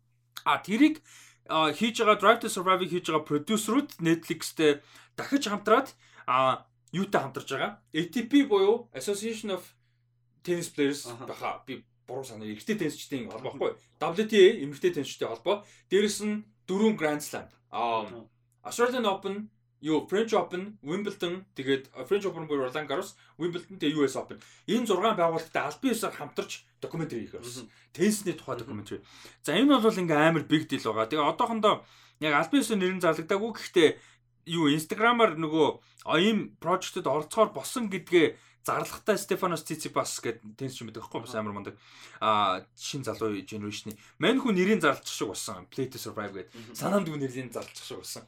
А тэгээд энэ бол миний бүр амар одоо юу хайптай байгаа одоо цуурлуудын нэг болж байгаа. Тэгээд энэс өмнө бол би ямар ч гэсэн Drive to Survive үзэн гэж бодож байгаа.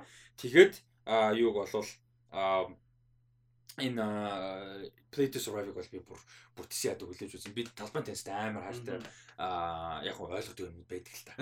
Талбай тест ч бас. Бас жижиг сэжиг ойлгодог юм байд юм аа. Гэтэ Сирене Уильямс хайртай. Сирене Уильямс зүгээр хайртай. Сирене зүгээр гоё харагдаад байдаг. Амар амар. Legend шүү дээ. Аа тийм тэгээд тэгтээ асуудалтай би Сирене жоохон дуруу. Тийм тийм байлээ тий. Ер нь ер нь нэлээд дурга. Теннисын хүмүүс тий. Тийм тэгээ ер нь жоохон амар ааш муутай. Үгүй аашгүй юу person. Тэгтээ legend шүү дээ. Тэр нь бол марахгүй. Тийм тэгээд ер нь greatest of all time шүү дээ эмгтээ дундаа. А ер нь overall теннисийнхаа ч гэсэн заавал gender ярилдаггүй all time нэг. А тий тэгээд теннисний энэ бол ийм юу яаж байгаа юм байна. А play to survive гэж яаж байгаа юм. Энэ дээр би чамаас асуу гэж бодож байсан болохоор ямар спорт ч юм уу юмар яг иймэрхүү докюментари зураг байвал гоё. Уу яг хөл бөмбөг байдаг шүү дээ. Нөгөө Amazon дээр байдаг юу лээ? Нөгөө City Entry явах үед тийм ээ тийм All or Nothing. Тэгээ All or Nothing тийм. Тэр мэрийг хэрэг мэдэхгүй. Гэхдээ мэдэхгүй. Гэхдээ хөл Tottenham-ыг бол ямар ч битүүм юм. Харин тийм. Юу Lawrence нөгөө кино нэрээ Санхими хоёр юм уу тийм тийм. Тэгээд Тэгээ Морино уурал Морино ууралдаг тийм. Тэр бүр ил. Тэгээд спортын байвал юу гэж бодож байна? MMA яг гол яг MMA бүр ингээд амар гоё тийм докюментари баймаар байгаа хгүй яг ингээд тулааны дараах сэтгэл хөдлөлийг шууд авдаг яг нэг тийм байна. Нэг тиймэрхүү юм байна. Одоо UFC чинь маркетингаар амар сайнаар алдартай шүү дээ. Одоо Conor McGregor энэ төрийг амар сайн болоо. Сая Francis Ngannou төрүүлж мөрүүлээ яагаад Danny White болон UFC ингээд докюментари энтрийг медиар орохгүй байгаа юм бэ? Тийм. Уул нь орчмоор шүү дээ. MMA MMA талаас яг ганцхан UFC байдаг гэж байгаа юм л дээ. Гэтэ ер нь UFC энтер тэгээ One Championship ч юм уу. За One Championship арай юу муутай болохоор нөгөө нэг Reach муутай болохоор арай өөр. One амар гоё шүү. Тийм гэсэн. Гэтэ UFC бол Reach амар шүү дээ. Тэгэд яагаад тийм сонин те уул баймаар те. Тийм. Гэхдээ уул нь ингээд яг ингээд медиал орох хэрэгтэй байгаа маа. Тэгээд үнэхээр яг тэгээд яасан One Championship юм хэлэхэд нөгөө юу яагаад юу One Championship-д аврах болж чадахгүй байгаа гэж. Тэгээ бид нар ч жанс энэ төр тэгээ One Championship-ийг ингээ босгох нь амар واخгүй юу. Яг чанар манар ярих юм бол ер нь ер нь UFC-ийнхэнд үзгээр واخгүй юу. Тэгээ нөгөө One Championship-ийг ерхлэгч Dana White-д нөгөө ингээ гоё ингээ хоёр яг хамаа best contender-уудаа тулдуулаад юу хийя гэд тимийг амар том ивент хийя гэж Dana White-д хариухгүй. Тийм маркетал хамгаалаад байгаа юм байна. Тийм. Халнаа One Championship гэнэ. Би юу UFC-ээс One Championship үзэх дуртай.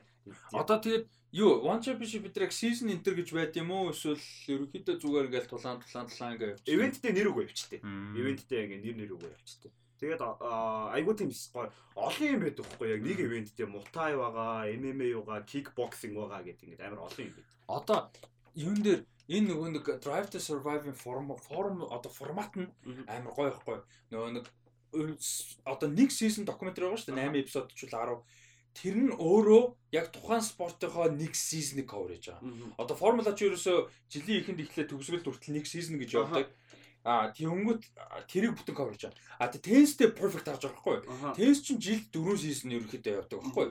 Оны эхэнд Australian Open яваад Australian Open болон Australian Open-ы хүртэлх одоо энэ жижиг ATP WTA Tour яваад а тэгэнгүүтээ тэрний араас шууд юуны сизон эхэлнэ. Шорон талбай одоо өө юу гэдэг вүлээ би юу вэ? God damn яга мартчихва за за Jesus үгүй марцлаа тийм ямар ч а юуны шорон талбайн сизон эхэлдэг байхгүй а тэгэд э, үндсэн финалийн одоо Roland Garros буюу French Open. Тэр хүртлээ амар олон улсад өөр жижигхэн туурууд ингээ шорон талбай дээр яваад байдаг build up маягаар байхгүй э, WTA нэмэгтэй ATP нэрхтэй хоёр талдаа яваад байдаг тэгж явж явж явж байгаа French Open болно хамгийн том шоронт э, одоо surface те финалын тэнгуүдээ шууд зүлгэрний сизон эхэлдэг. Тэгээ зүлгэрний сизон жижиг нөө тэмцээнүүд нь build up хийж явна. Тэд нар дундаа бас том жижиг байгаа. Олон оноо авдаг. Challenger Series Series гэдэг нэтэрэг. Тэгээ ингээд явж явж явж явж жагаад Wimbledon болоод Англид тэгээ Wimbledon зүлэгний том season дуслаа. Буцаа hardcourt руу ороод тэр нь дахиад жижиг ингээд ингэж ингэж явсаар хагаад US Open. Тэгээ US Open дуусаад ATP Finals, WTA Finals гэдэг дуслаа байхгүй. А тэгээд ATP Finals, WTA Finals хоёр нь болохоор хуйлаа. Оны эцэст яг тэр тэмцээн эхлэх мөчөд байгаа хамгийн өндөр ранкингтай 8 тамирчин хоорондоо хасагдах шатаар шууд явдаг. Амар фон ахгүй. Тэнгүүд ингээд яг сизнээр явах амар боломжтой. Тийм болохоор яг Drive to Survive зүгээр нэг энгийн докюментари биш. Яг Drive to Survive-ийн форматаар ингээд нөгөө бас юм сизонтэй а спортууд ингэж хийвэл амар гой санагдсан надад. Тэгээ гольф яригдж байгаа гэсэн. Я би мэдгүй л дээ. Тэгтээ гольф бас нэг сизон мизэн байд юм шиг байна. Тэгээ гольф л яригдж байгаа гэсэн. Аа тийм. Тэгэл Тенсэн дээр бол нэг юм гоё мэдээлэл бол байна. Тэгээд яг ганц ч байгаа яаж байгаа юм play to survive гэхээр амар generic байгаа даа. Нэг тийм serve to survive гэдэг ч юм уу. Одоо tension serve гаргах гэдэг чинь одоо drive to survive ч амар гоё үг байгаа байхгүй. Тэгмээ tension-ийнхаа юугаар одоо амар generic шүү дээ. Дээрээс нь олон спортоор эн чинь бас franchise те. Одоо жишээ нь юу гэдэг юу гэл одоо serve to survive гэдэг ч юм уу. Bounce to survive Өөргөө яах нь вэ? Тийм. Гэтэ тэгвэл гой санагц. За тэгээд энэ үрээд ерөөдөө мэдээллийн юм бол нөгөө running time. Оо тийш тэр түрүүн бискип болчих тээ.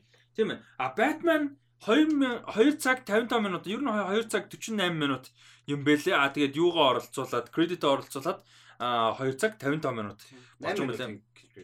Тийм 8 минутын кредиттэй тэгээд кино урлын түгэнд хамгийн удаан одоо үргэлжлэх хамгийн олон цаг үргэлжлэх Batman-ы кино а болж байгаа юм бэлээ. Тэрийг би одоо халгассан ч sorry.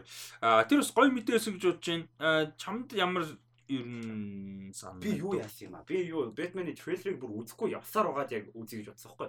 Тэгээ өчигдөр энэ running time-ийн мэдээг нарчаа за за үзье та гэж үзсэн.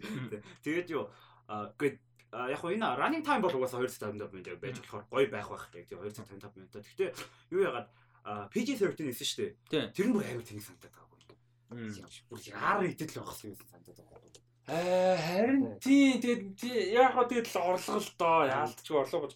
Гэтэ яг хоо гайг баха Matrix PG-13 да багтаагаад хангалттай хүнд кино хийж чаддаг байхгүй Dawn of the Planet of the Apes, War for the Planet of the Apes хоёрыг харах юм бол Тэгээ тийм болохоор би яг Matrix-т жоохон итгэлтэй.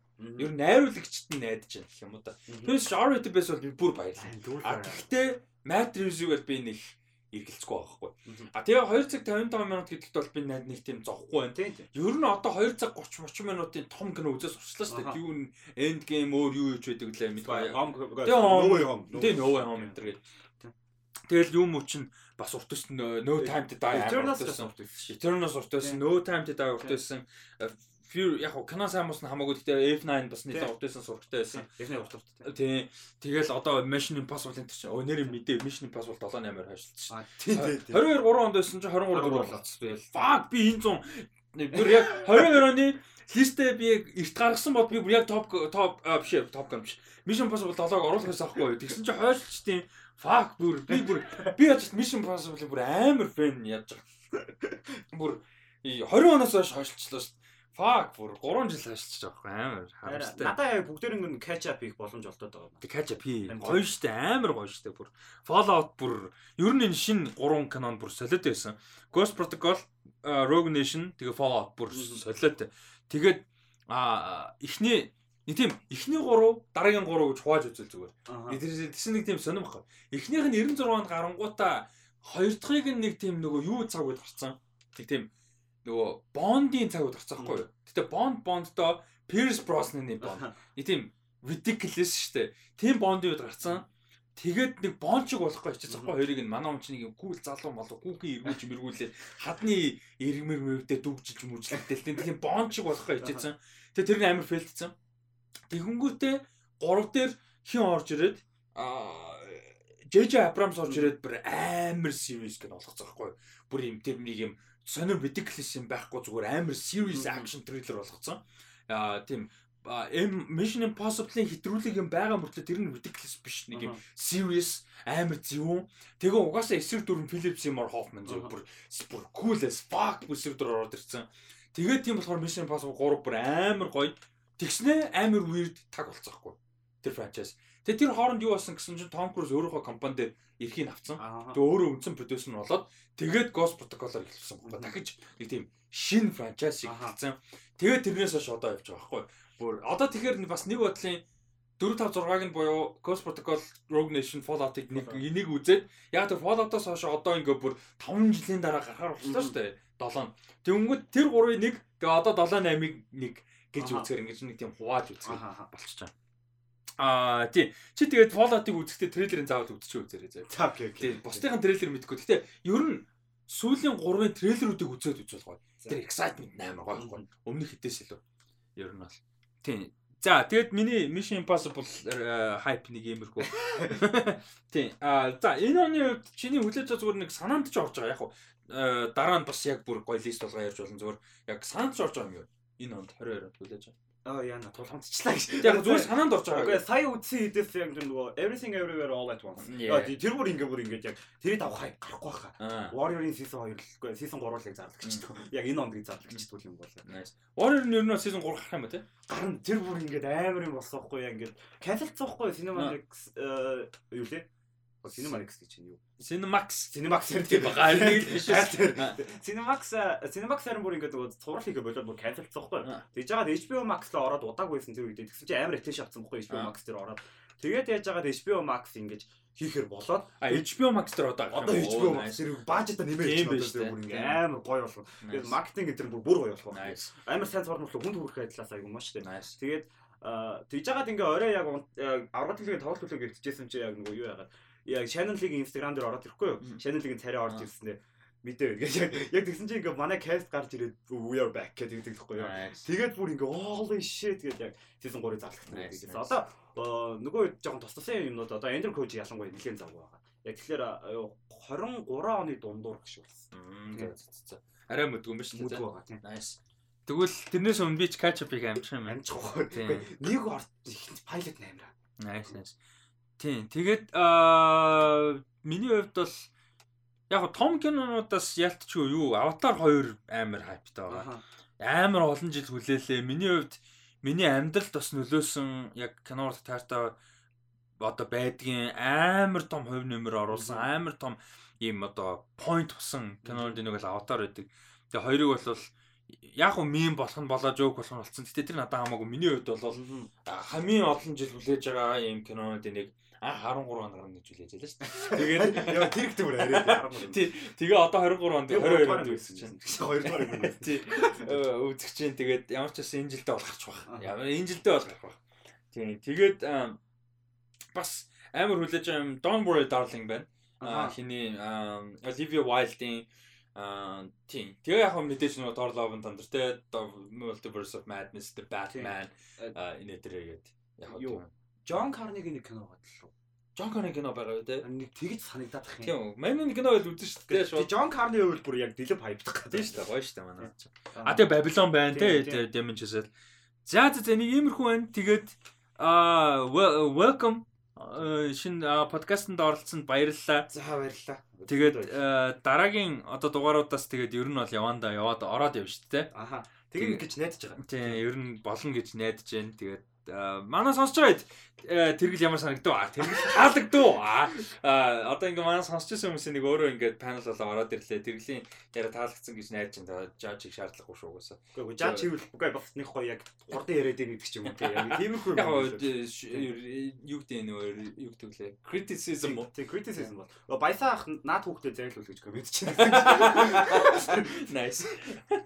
Тий тэгээд ямар ч байсан тэргэлдээ баярлалаа сонирхолтой байсан гэж сонсож байгаа хүмүүстэй найдаж जैन тэгээд одоо подкаст маань гайгүй доктортой жигнэсээ finally явна гэж найдаж जैन тэгээд бас нэг подкастн дээр ганц хоёр бодсон юм байгаа бүтгэн үгүй сайн мэдэхгүй байна тэгээд болохоор бол тухайн үед яри тэгээ сюрприз байсан гэж бас найдаж जैन тий ер нь бол цөөх үед хүмүүст мэдчихсэн шүү дээ манай тий сюрприз байсан гэж найдаж जैन а тэгээ тэргэлд баярлаа бас гоё байлаа тэгээд өөр хүнтэй подкаст бас хийв утсан бас амар гоё байна фон байна а тэгээ дээрэс нөгөө нэг яг дуртай юмда passionate юмда ингээд яг гоё ингээд тэрийгэ хуваалцах дуртай хүн байгаа нь амар гоё байна. Жи чи ингээд нөгөө martial arts ч юм уу те warrior ч юм өөр ингээд бас мэдээж дуртай юм байгаа. Тэрийгэ хуваалцаж байгаа ч юмсан амар гоё юм. Тэгээд манай сонсогчдод бас шин үнцэг, шин мэдээлэл одоо миний хизээч мэдгүй те ярьж чадахгүй, passionate ярьж мэдгүй юмнуудыг бас тэргэл ингэж орж ирж ярьж байгаа нь бас амар гоё байгаа гэж найдаж байна. За тэгээд энэ хүртэл хамт байсан бүгдд нь баярлалаа. Instagram дээр тэргэлэрх үү? Тэргэлэрх үү? Тэргэл эрхүү. Эрхүү гэх. Тэргэл рүү. Ерөөсөө яг тэргэлэрхүү гэд бичгээр дагаараа тэгээд намайг Rusty Ryan 7 гэд дагхаа мартав.